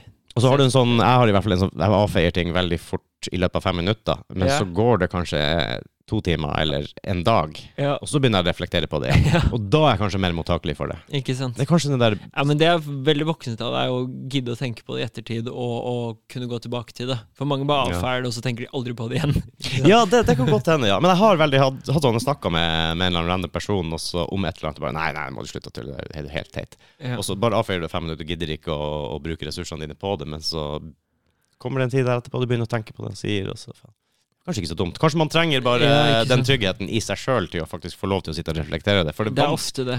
vanskelig å gjøre det kanskje face to face til noen Ja, å og tenke direkte. i momentet, og så skulle liksom være åpen om at ja, kanskje du har rett, og jeg har feil, og jeg skal være ærlig om det akkurat nå, og så finne ut det. Det er lettere å nesten si nei. Det er litt som jenter på byen. Det er lettere å bare si nei og få den boosten av selvtillit Ja, ja, enn å si ja og finne ut hva som skjer. Eh, så er det litt sånn, Men så kanskje Ok, da går han et annet sted, og så går kvelden to-tre timer, og så er det sånn ah, Kanskje jeg skulle snakket mer med han karen som var her for tre timer siden, for han var den snilleste av de som kom opp, istedenfor å si nei. ja. Man kan bli overraska. Ja, ikke sant? Absolutt, altså. Fantastisk. Ser veldig for det. Ja. Du, jeg har lyst til å høre om en ting Ja. før vi runder av. Ja. Det, det, det jeg syns var så artig, du har jo hatt en, eh, en liten pilegrimsreise. Har du lyst til å si noe om det, eller? Det syns jeg er Jo. spesielt. Eh, jeg har jo det. Um, det virker jo nesten som et annet liv her jeg sitter nå og tenker på det.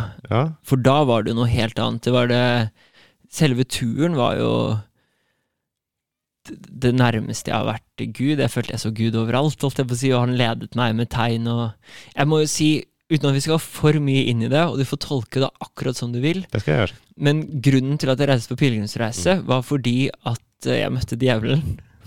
Sier du det? Ja, 100% Jeg sier det med et smil, men det er nesten fordi det er bedre enn å gråte. ok? Og, Jeg støtter deg i det. Og jeg bare jeg, jeg, Hele stemmen ble fucked up. Jeg kunne nesten ikke snakke. Jeg sluttet med alt av alkohol og rus og alle mulige sånne ting. Og så bare følte jeg at jeg må bare redeem selv, eller jeg må finne ut hvem jeg er, eller jeg må søke Gud, eller et eller annet sånt noe. Så i hvert fall, det var grunnen til at jeg begynte å gå. Og når jeg begynte å gå, så bare mer og mer, jo mer jeg gikk, så begynte jeg å få eh, tegn langs veien, eller jeg så bare Gud i elven som strømte forbi, og bare så eh, Jeg fant en mening med livet, da. Det var der jeg også ordentlig ble frelst av Dylan, som jeg hørte mye på. Mm. Det var der jeg fant ut hva jeg skulle gjøre videre. For da var jeg litt lost i ting, og jeg var på en ganske dark path before det. Before det. det Veldig norsk-engelsk. Og så fant jeg ut at det, det band er riktig. Jeg skal ikke nødvendigvis jakte ned den der hiphop-streamen som jeg hadde gått mye i, der det er veldig mye dop og penger og biler og damer og sånne ting. Jeg skal reflektere noe vakrere til verden. Jeg skal reflektere lys og kjærlighet. Det er hovedsakelig det det går i. Og jeg skal gjøre det med et band, og jeg skal lære meg å spille instrumenter, og jeg skal jobbe hardt når jeg kommer hjem. Og jeg møtte så mange fantastiske mennesker på den reisen, for det er folk som er på samme vandring som deg, på en måte. Og så merker du at hele reisen den er på 720 km, som du går til fots. Det er såpass, ja. ja, det er lenger enn Oslo-Trondheim å gå til fots, liksom. ja så. Rusletur. ja. Så det tar deg kanskje en måned å gå den, men jeg tror jeg brukte en og en halv måned fordi jeg stresset ikke. ikke sant? Jeg, hvis jeg kom til et nydelig sted, så var jeg der litt lengre. Og du merker at hele den en og en halv måneden blir Det er nesten som et liv. Du starter deg som nyfødt. Jeg visste ingenting. Jeg visste ikke hvor jeg skulle gå. Jeg visste ingenting, jeg hadde ingen informasjon om hvordan dette ville bli. Og så jo mer du går, så lærer du, og så møter du folk du, du, må, du kan få sånn sertifikat eh, Mhm. når du kommer fram til Santiago de Compostela, der du liksom har gått den, og det er ganske populært å få, da. Så det er mange som reiser, og så går de de siste 100 kilometerne Mm. kan du gå for å få fortsatt sertifikatet. Ja. Og da har du gått, og da møter du folk som er 60-70 år, som har vært på bucketlisten å gå den, ikke sant, men du har gått allerede, og du føler deg som en vis gammel mann som har gått der i fem uker allerede, mens møter folk som er helt nye med turskoene sine. Så Ja. på en måte så er de er på en måte de nyfødte da, og du er den gamle mannen, på en måte, så det er nesten som et komprimert liv du føler du lever, og så dør du litt når du kommer fram, og så står du opp igjen, på en måte. En liten reinkarnasjon der, altså. Veldig. Du lærer veldig mye om deg selv. Du får veldig mye, deg ut ute i naturen, du går veldig mye for deg selv. Du møter fantastiske mennesker fra hele verden Mm. som på en måte også er på søken etter noe større enn seg selv, eller på søken etter noe eh, spirituelt eller guddommelig, eller hva enn. Eh, så utrolig mange fantastiske samtaler. Folk jeg har møtt igjen i ettertid. Eh, skrev utrolig mange tekster som jeg ennå ikke har gitt ut, som Mm. blir liksom pilegrim. For det som var spennende jeg kom hjem igjen, det tar ikke lang tid før du sklir tilbake til asfalten og Oslo, og du glemmer alt det der, ikke sant. Det blir nesten litt sånn uh, Litt abstrakt når du ser på det tilbake igjen, kanskje. Ja, det, de gjør det. det. Som sagt, det virket som et annet liv, Ja. ikke sant. Men for, vi var litt inne på det i stad. Da sa det var ukjent først, i 2014, som ikke eksisterer noe sted. Jeg snakket til oss selv på folkehøgskolen. Mm. Mens jeg var der nede, så ga jeg ut et album som het Og så snakket vi ikke mer, som var liksom oppfølgeren til Jeg snakket til oss selv. Mm. Som ikke ble promotert noe eller noe, siden jeg var der uten Jeg var reiste uten mobil, reiste uten internett, skulle bare være in the Jeg moment. føler vel at hvis du skal gjøre noe sånt, så uh, å Ja. ha den uh, pipemaskinen ved siden av deg hele turen, det er ikke riktig, altså. Nei. Og da, da følte jeg også at jeg mista en del av den hypen jeg hadde rundt det første albumet, som jeg fikk en del hype på som ung gutt, og så ga jeg ut et album uten å promotere det, på en måte, så gikk jeg litt i glemmeboksen. Så kom jeg hjem, og da fant jeg ut at det jeg vil spre, er lys og kjærligheten, og disse tekstene som handler om vandringen mot lys i horisonten, og det som handler om livet og kontrastene, og historier om menneskene man møter. Istedenfor bare at jeg har penger og jeg har dop. og jeg har alt, Det er ikke sånne ting jeg har lyst til å si på en mikrofon, eller å skryte av meg selv. Men så følte jeg at jeg hadde skrevet mye eh, i løpet av tiden jeg hadde levd opp til der, som man måtte gjøre ferdig. Så jeg begynte å lage min egen historie. Så jeg, jeg lagde et album som het Oslo X, som var på en måte pilegrimen som vandrer ut ifra barndommen, ut ifra Ah. Oslo og diverse ting.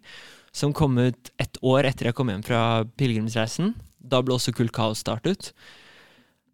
Um, og så etter det var planen bare nå er det band, nå er det pilegrim, nå er det lys i horisonten og sånne ting. Um, men så hitta jo korona, ikke sant? Ah. Uh, så da innså jeg at det måtte komme noe i mellomtid. Jeg hadde en del tekst liggende igjen fra asfalten, på en måte, Mm. som jeg liker å kalle det. Så jeg lagde et album med hun Zoe, som jeg snakket om tidligere, eh, som het ehm, Limbo. Som handler litt om eh, å bli satt i limbo, som vi på en måte var. Og limbo er også første steg av eh, helvete som Dante vandrer igjennom når han er på vei til eh, himmelen. Um, og det har mange meninger, det altså. Men uh, så lagde jeg et album som het Limbo, som kom ut i 2021. Mens jeg spilte masse pilegrimshows og sånne ting, som ikke er gitt ut, da. Mm. Um, så nå har jeg igjen Nå har jeg lagd et nytt album. Dette her mener jeg handler litt om mørket, da, limbo. Eller det handlet om hiphopen. Nå har jeg et siste album. Jeg hadde liksom tre kladder jeg hadde igjen som jeg hadde skrevet. Det var det med om kjærligheten og lyset, Mm. som skal være framtiden min og til verden. Og så hadde jeg et som handlet om mørket, som var litt sånn demoner Ting som ikke var hiphop, ikke var Oslo, ikke var asfalt, ikke var det der. Det var mer mørke, men mer på et spirituelt greie. Og det er det jeg jobber med nå, som gjør at jeg har vært i. Siden på en måte etter limbo i korona. Og det har gjort at jeg har hatt ganske mørke perioder nå, siden når du dykker ned i det igjen, og det er ikke det jeg vil fokusere på engang. Um, men det er veldig snart ferdig. Det heter Villedet, som er litt den pilegrimen som er villedet i mørket. Uh, er det hovedalbumet, så er det et album som kommer ut nå, som er på annen musikk, som jeg tror skal hete Simba. Ikke- Simba? Ja, okay. veldig Løvenes konge-fan, men i tillegg så er Simba litt den der eh, han som eh, forlater kongedømmet, kommer tilbake og gjør det han skal gjøre. Eh, det er også litt sånn brytende stereotypiske ting om at hvite folk ikke kan eh, kalle ting for Simba. Oh, si. ja. Og så er det litt det at neste skiva, som er den fulle dark-skiva, det er liksom litt Simba og villedet, Simba villedet, på en måte. Mm. Og Simba er liksom en som blir konge, men må gå sin vei og har gjort sine feil og diverse. Og så har jeg fire EP-er. Og alt dette skal komme ut i løpet av året, ikke sant? Oi. Og alt dette omhandler litt mørke, på en måte. Ja. Og det er litt fordi jeg har vært så fast bestemt på at jeg skriver min egen historie, med at jeg skal komme fra mørket, og så gå til kjærligheten og lyset, og så skal det være det jeg er ute i framtiden. Jeg har ikke lyst til å komme i mørket senere.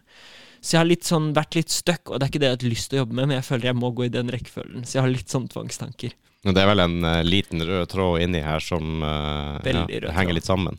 Jeg har lyst til at hvis du hører musikken min fra start til slutt den dagen jeg dør, så skal det høres ut som én låt som Mm. bare beveger seg gjennom. Jo, men Ja. det syns jeg er kult, for mange av uh, mine store helter og rockeband og sånn bygger jo opp albumene, albumene sine og albumseriene sine ofte og sånn. Ja. Hvor du kan følge den tråden, den historien gjennom hele greia. Og jeg syns det er jævlig kult, altså. Ikke sant? Ja, det henger litt sammen, på en måte.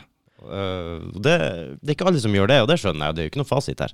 Nei, og så er det mye karakterer som går igjen, og folk som får sine egne historier og Mm. liker å lage det. Men i hvert fall fra pilegrimsreisen, da, som jeg tror jeg var ferdig med i 20, 2018, var jeg ferdig med den. Så ser du at det har gått, da kom det Oslo X i 2019. Så var det mye spilling, og band begynte, og så kom Limbo i 2021. Mm. Og nå er vi i 2023, og så kommer det seks prosjekter i år, da. Men det er alt det mørket som har blitt samlet opp. Ja. Men egentlig etter pilegrimsreisen i 2018, og det har gått fem år nå, så var jeg bestemt på at jeg skulle spre lys og kjærlighet. Men til nå har jeg fortsatt bare fokusert på mørket og Oslo. Og men jeg har lagt alt det bak meg, så jeg tror at når det kommer ut nå, og jeg bare kan fokusere på pilegrim og lys i horisonten, som jeg har sagt for 14. gang nå, eh, så Get it out there. så, så blir eh, så, så tror jeg virkelig min historie starter. Da tror jeg jeg har lagt fra meg alt som er Men må man ikke gjennom det mørket der for å komme til det lyse? Det var den pendelen vi snakket om. Det Var det ikke det vi snakka om, ja. Ja. Og som sier du, lyset blir vel ikke så, så lyst heller, hvis ikke du vet hva det mørket dreier seg om. Akkurat. Det er jo um, akkurat. Ja, jeg tror det. Jeg tror du er inne på noe. Så jeg, jeg føler jeg har en lys framtid, men jeg føler det har gått veldig mange år fra jeg innså hva jeg hadde lyst til å gjøre. Mm. Og det har vært mange år i mørket og alene og i et studio uten å egentlig være ute og snakke med folk og ikke vite hva verden driver med og sånn. Um, Men som du sa også, du, du følte du hadde kanskje Du hadde et lite momentum når du ja. deg for å dra ned og ta den pilegrimsreisen, og så Ja, datt du litt av lasset, eller andre datt litt av lasset. Men, ja, og så kom det nye folk mens jeg var borte og diverse. Ja. Men det kan jo også ha vært en redning i, i den forstand at du, det tok deg ut av noe som du kanskje ikke var riktig for deg. Akkurat, det er det. Og at du stiller sterkere for det i framtida med å, å bygge videre på noe du føler er mer deg sjøl og mer ærlig. Og, og alt det. Og som du sier, du har noe helt konkret du ønsker å oppnå. Det er å spre det lyset Ja. og kjærlighet. Og, Og- selvtillit, og at folk skal jakte drømmene sine. Ja.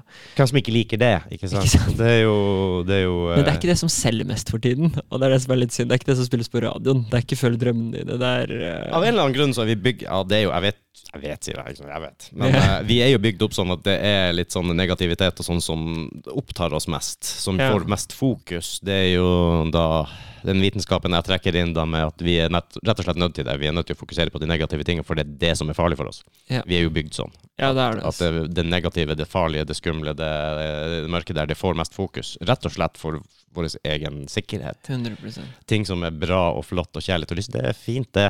Ja. Det er der, men vi må se på den tigeren i mørket der, så ikke han kommer og, og river av meg hodet.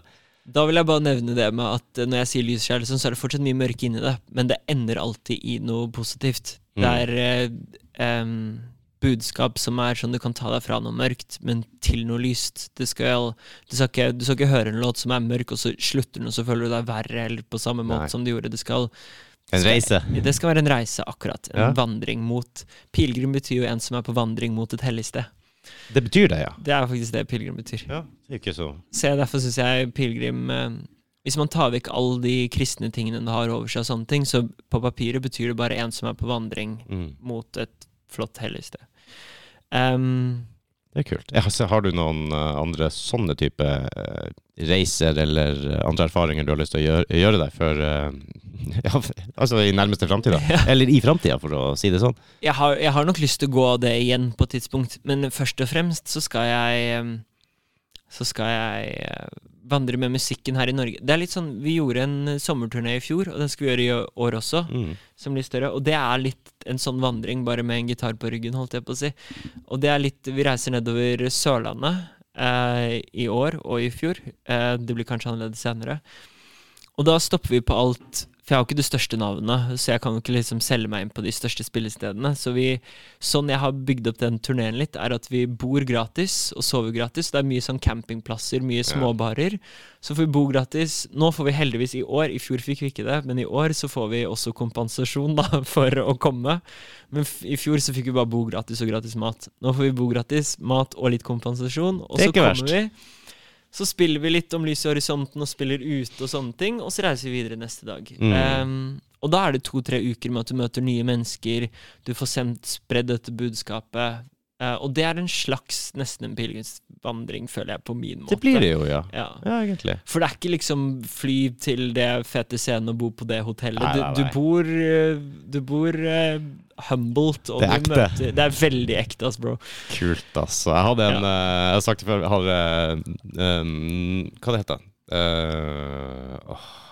Norway Rock i Kvinesdal Ja. Det er jo bibelbeltet Spilte i Kvinesdal i fjor. Jeg Gjorde det, ja? en ja. liten plass. Jeg har uh, vært på de Norway Rock-festivalene i Kvinesdal mange, mange år. Ja. Og det er, jo, det er jo veldig mørkt. Det som kommer dit på, på scenen, det er jo rock og metal. I, Ja. Omtrent bare rock og metal. Så du har jo folk med satanister og nagler og alt. Og det er så fantastisk det med han sognepresten som kjørte bussen fram og tilbake festivalområdet byen for han ville at folk skulle være trygge, ikke kjøre i fylla, ikke bli påkjørt, ikke ligge rundt der. Han var veldig bekymra, så han ville og ønska å hjelpe til. Så han stilte, stilte med buss og, og seg sjøl som sjåfør. Og da har du da presten i framsetet og sånne satanrockere som sitter Det er veldig fascinerende der. At rundt bibelbeltet her, så er det liksom Du har virkelig de to kontrastene. Ja. Ja, det Og det, det merket jeg så mye når vi var der også. At det var, Vi spilte en gang på en eh, kristen camping Eller ikke, vi spilte på to-tre kristne campinger, men den ene var sånn skikkelig sånn at vi måtte i gudssalen før og ble tatt opp på scenen. Og, Å, ja. liksom, eller ikke scenen, hva heter det? Alteret.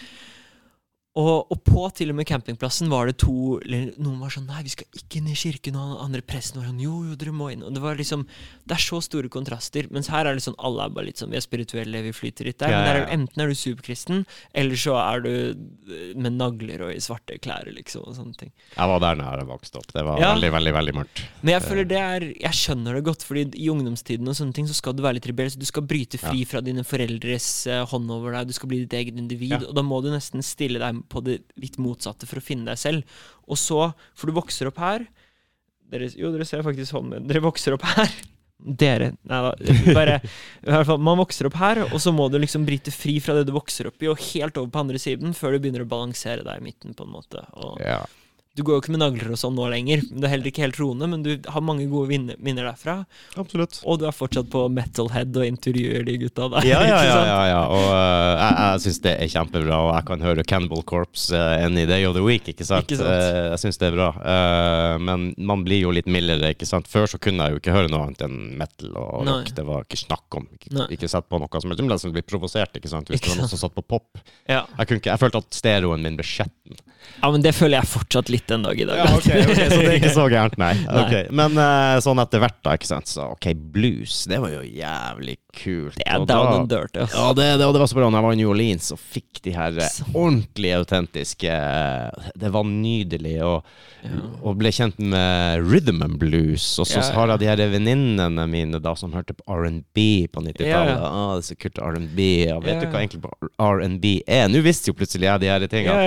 Jeg hører opp R&B. Rhythm and blues. Ikke sant? Har du, har, du, har, du, har du hørt Steve Ray Vaughan? Har du, ikke sant? Og så kunne de, ja, nei, vi snakker om eh, ja, de her R&B-artistene da på Ja. 2000-tallet og 90-tallet. Ja, det er litt annerledes, men det er fortsatt eh, Ja, det har jo en, eh, en Det er jo fra et sted, ikke sant, det her, men også og så kan jeg høre litt mer. Sånn som et annet eksempel var Vi har avlastningshjem for, for noen jenter før. Eh, så vi hadde dem hos oss en helg i måneden. mm, Og eh, da skulle hun yngste Hun ville ned på VG-lista. Okay, ja. Og da må jo jeg bare Hva skal jeg si til deg, Ja. jente på ti, at eh, jeg nekter å bli med fordi han spiller så dårlig musikk der. ja. Og så tar jeg fra henne opplevelsen med å dra og se de artistene hun har lyst til å se. Så nei, det, sånn kan vi ikke ha det. Du må jo vokse opp her. ja. Så vi drar ned og ser, og det kuleste Admiral P. Jeg falt pladask, altså. Ja, det det var så bra. Og det var når det var nytt også, Ja, ja, for meg i hvert fall. Og, og bare fikk jeg, hører, jeg elsker det når han slipper en ny låt jeg kan sitte og høre. Det er så, jeg syns det er så bra. Men det bare utvider horisonten min litt. Og så er det jo faktisk en og annen det poplåt som går an å høre på. Rett og slett. Det er ikke farlig. Fantastisk. Hvis du liker musikken, så er det ikke farlig å høre på det og si det. Ja. Uansett hvilken sjanger det er. Nei, Jeg støtter det 100 ass. Det gjør jeg. Hva er, vi skal begynne å runde litt av. Hva er neste, neste stoppested for deg nå, da? Neste stoppested nå er å gjøre ferdig alle disse musikkprosjektene. Um, Få ting ut nå. Ja, nå er det bare å slippe. Og så, som vi var inne på sist, når disse her prosjektene kommer ut, som er. 90 ferdig alle sammen, noen er helt ferdig, og noen er 99% ferdig, så er det å begynne å lage musikk og gi den ut på dagen. Ikke sant? Ja, da, så, da er momentumet der. det er tilbake til når jeg var 18 år og bare ga faen Yes. og bare spilte inn og ga ut og spilte inn og ga ut. Og så begynne å spille så ofte som ofte, ofte mulig. Om det jeg så er på Rockefeller eller om det er på gata. Ikke sant? Mm. Ikke så viktig, bare spille, bare møte folk. Være ute og møte folk face to face. Jeg drittlei av å sitte på en PC hjemme Ja. alene i mørket. Jeg har ikke lyst til å gjøre musikk på en PC lenger. Jeg har lyst til å gjøre Mm. musikk ute blant folk, ikke sant? Og, og møte dem og feile og lære og le og gråte sammen med dem. Hele verden er en arena, vet du. Akkurat. Så det er å komme seg ut, det er å begynne å møte opp på podkaster, snakke, få gode venner der, eh, spille ute, reise på turné, spille konserter. Fantastisk. Ha litt mer fokus på meg selv. Det har vært de siste to-tre årene altså veldig mye fokus på å bygge opp Kult Kaos og få inn folk Mm. der og jobbe for dem. Men nå føler jeg litt igjen at jeg må fokusere litt på meg selv først også, og det vil være bra for det prosjektet også. Absolutt. Det tror jeg ikke slår feil ut, nei. Hvis, Ja. du, hvis du er en bedre person, så, så vil det du gjør, bli bedre. Jeg tror i hvert fall det. Ja. Jeg tror i hvert fall det. Det noe, har du noen konkrete lagopptredener? man Er det noe som er booka, som man kan liksom spikre av i kalenderen? Eh, vanligvis så er jeg flink på å ha i hvert fall én, to, tre ting i måneden. Men Mm. nå har jeg vært veldig fokus på det med å få ferdig musikken. Ja. Eh, så fram til nå så er det faktisk ikke noe før i Det er faktisk snakk om å ha en nå natt til 1. mai. Eh, Mm. På et utested i Oslo, jeg husker ikke hva det heter, men de tok kontakt. Hvis ikke så blir det fra og med juni-juli, så spiller man nesten to-tre gigs i uka. Og så blir det jo en sommerturné, og da er allerede booket på hvert fall tre, fire, fem forskjellige steder i juli. Mm. Pluss den sommerturneen som er hver dag, da. I, men det er jo ikke i Oslo.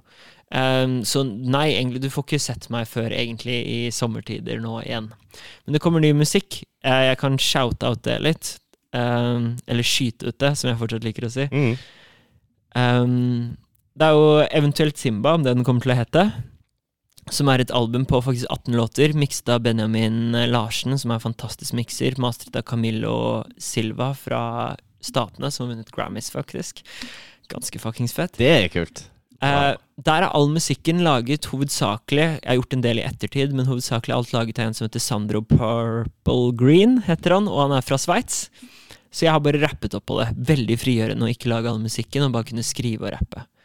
Det er Simba som kommer ut nå, forhåpentligvis i Først i starten av mai. Kommer en singel i april. Eh, I slutten av året kommer det et album som heter Villedet, som jeg har laget all musikken på selv, som er slutten av mørket, og etter det så er det bare Fullt pilegrim. Så er det fire singler. Den ene er på bare Nei, fire EP-er, unnskyld. Den ene er bare på to låter. ehm, som ikke er så viktig hva heter ennå. Men Den tror jeg kommer rett etter der. Ja. En EP med faktisk bandmusikk, som kommer i sommer. Eh, som heter Som er spilt inn i Stable Studios. Jeg har en musikkvideo som heter Pilegrim, som er siste låten på Oslo X. Som er Mm. eh, animert av en veldig flink kar, som animerer eh, videoer på alle de fire låtene på denne EP-en. Som er et ganske kult prosjekt. Det. Så det må dere glede dere til. Artig å ha med dyktige folk med seg, hæ? Ja, ja, ja, og jeg elsker å gi dem sin creds også, de fortjener det så jævlig mye. Mm. Eh, to EP-er til. Nei, jeg har nevnt det. Det er én EP til, og den skal hete Morose. Og er rett før det blir mørkt, ikke sant? Før Villedet. Som er eh, produsert av HM Surf. Han er en norsk artist som har 1,8 millioner monthly listeners på Spotify. God damn. Han lager sånn lofi hiphop av sånn du hører på når du studerer type musikk, på en måte. Veldig chiller'n, men ikke noe særlig kjent i Norge, av rare grunner. Så så mye metal-musikk. Han har i hvert fall lagd de beatsene. Jeg har liksom i ettertid spilt inn vokal, og så har Adrian Veland, som spilte gitar i Pilegrim, spilt inn litt elgitar oppå der. Som også blir dritkult. Som er veldig lofi hiphop. Der har du jo meg, vet du. Eh, Litt elgitar. Det er jo bare. Ikke sant? Ja, men den må du sjekke ut. den, jeg, har, eh, jeg kjenner jeg er litt fysen på å sjekke det ut, og også få med meg noen lagopptredener og sånn. Eh, Det, det blir en helt ny arena, en helt ny setting for meg òg. det må du. Det har vært artig å se, så jeg skal i hvert fall holde øyet Jeg er blind på et øye, så jeg kan bare holde opp det øyet. Serr? Ja. Altså, eller jeg kan holde opp det men jeg ser ikke så mye ut av det. Ok. Det merker man ikke, i hvert fall når man snakker med deg. Men jeg det er bra, da. Det er bra. Så jeg skal ha med meg øyet mitt, og så skal Ja. jeg følge med på hva dere driver med, hva du driver med. Skal holde oppdatert også. Jeg håper vi holder litt kontakt framover. Det hadde vært Ja. artig. Veldig interessert i å prate med deg igjen et senere anledning òg. Kjempe.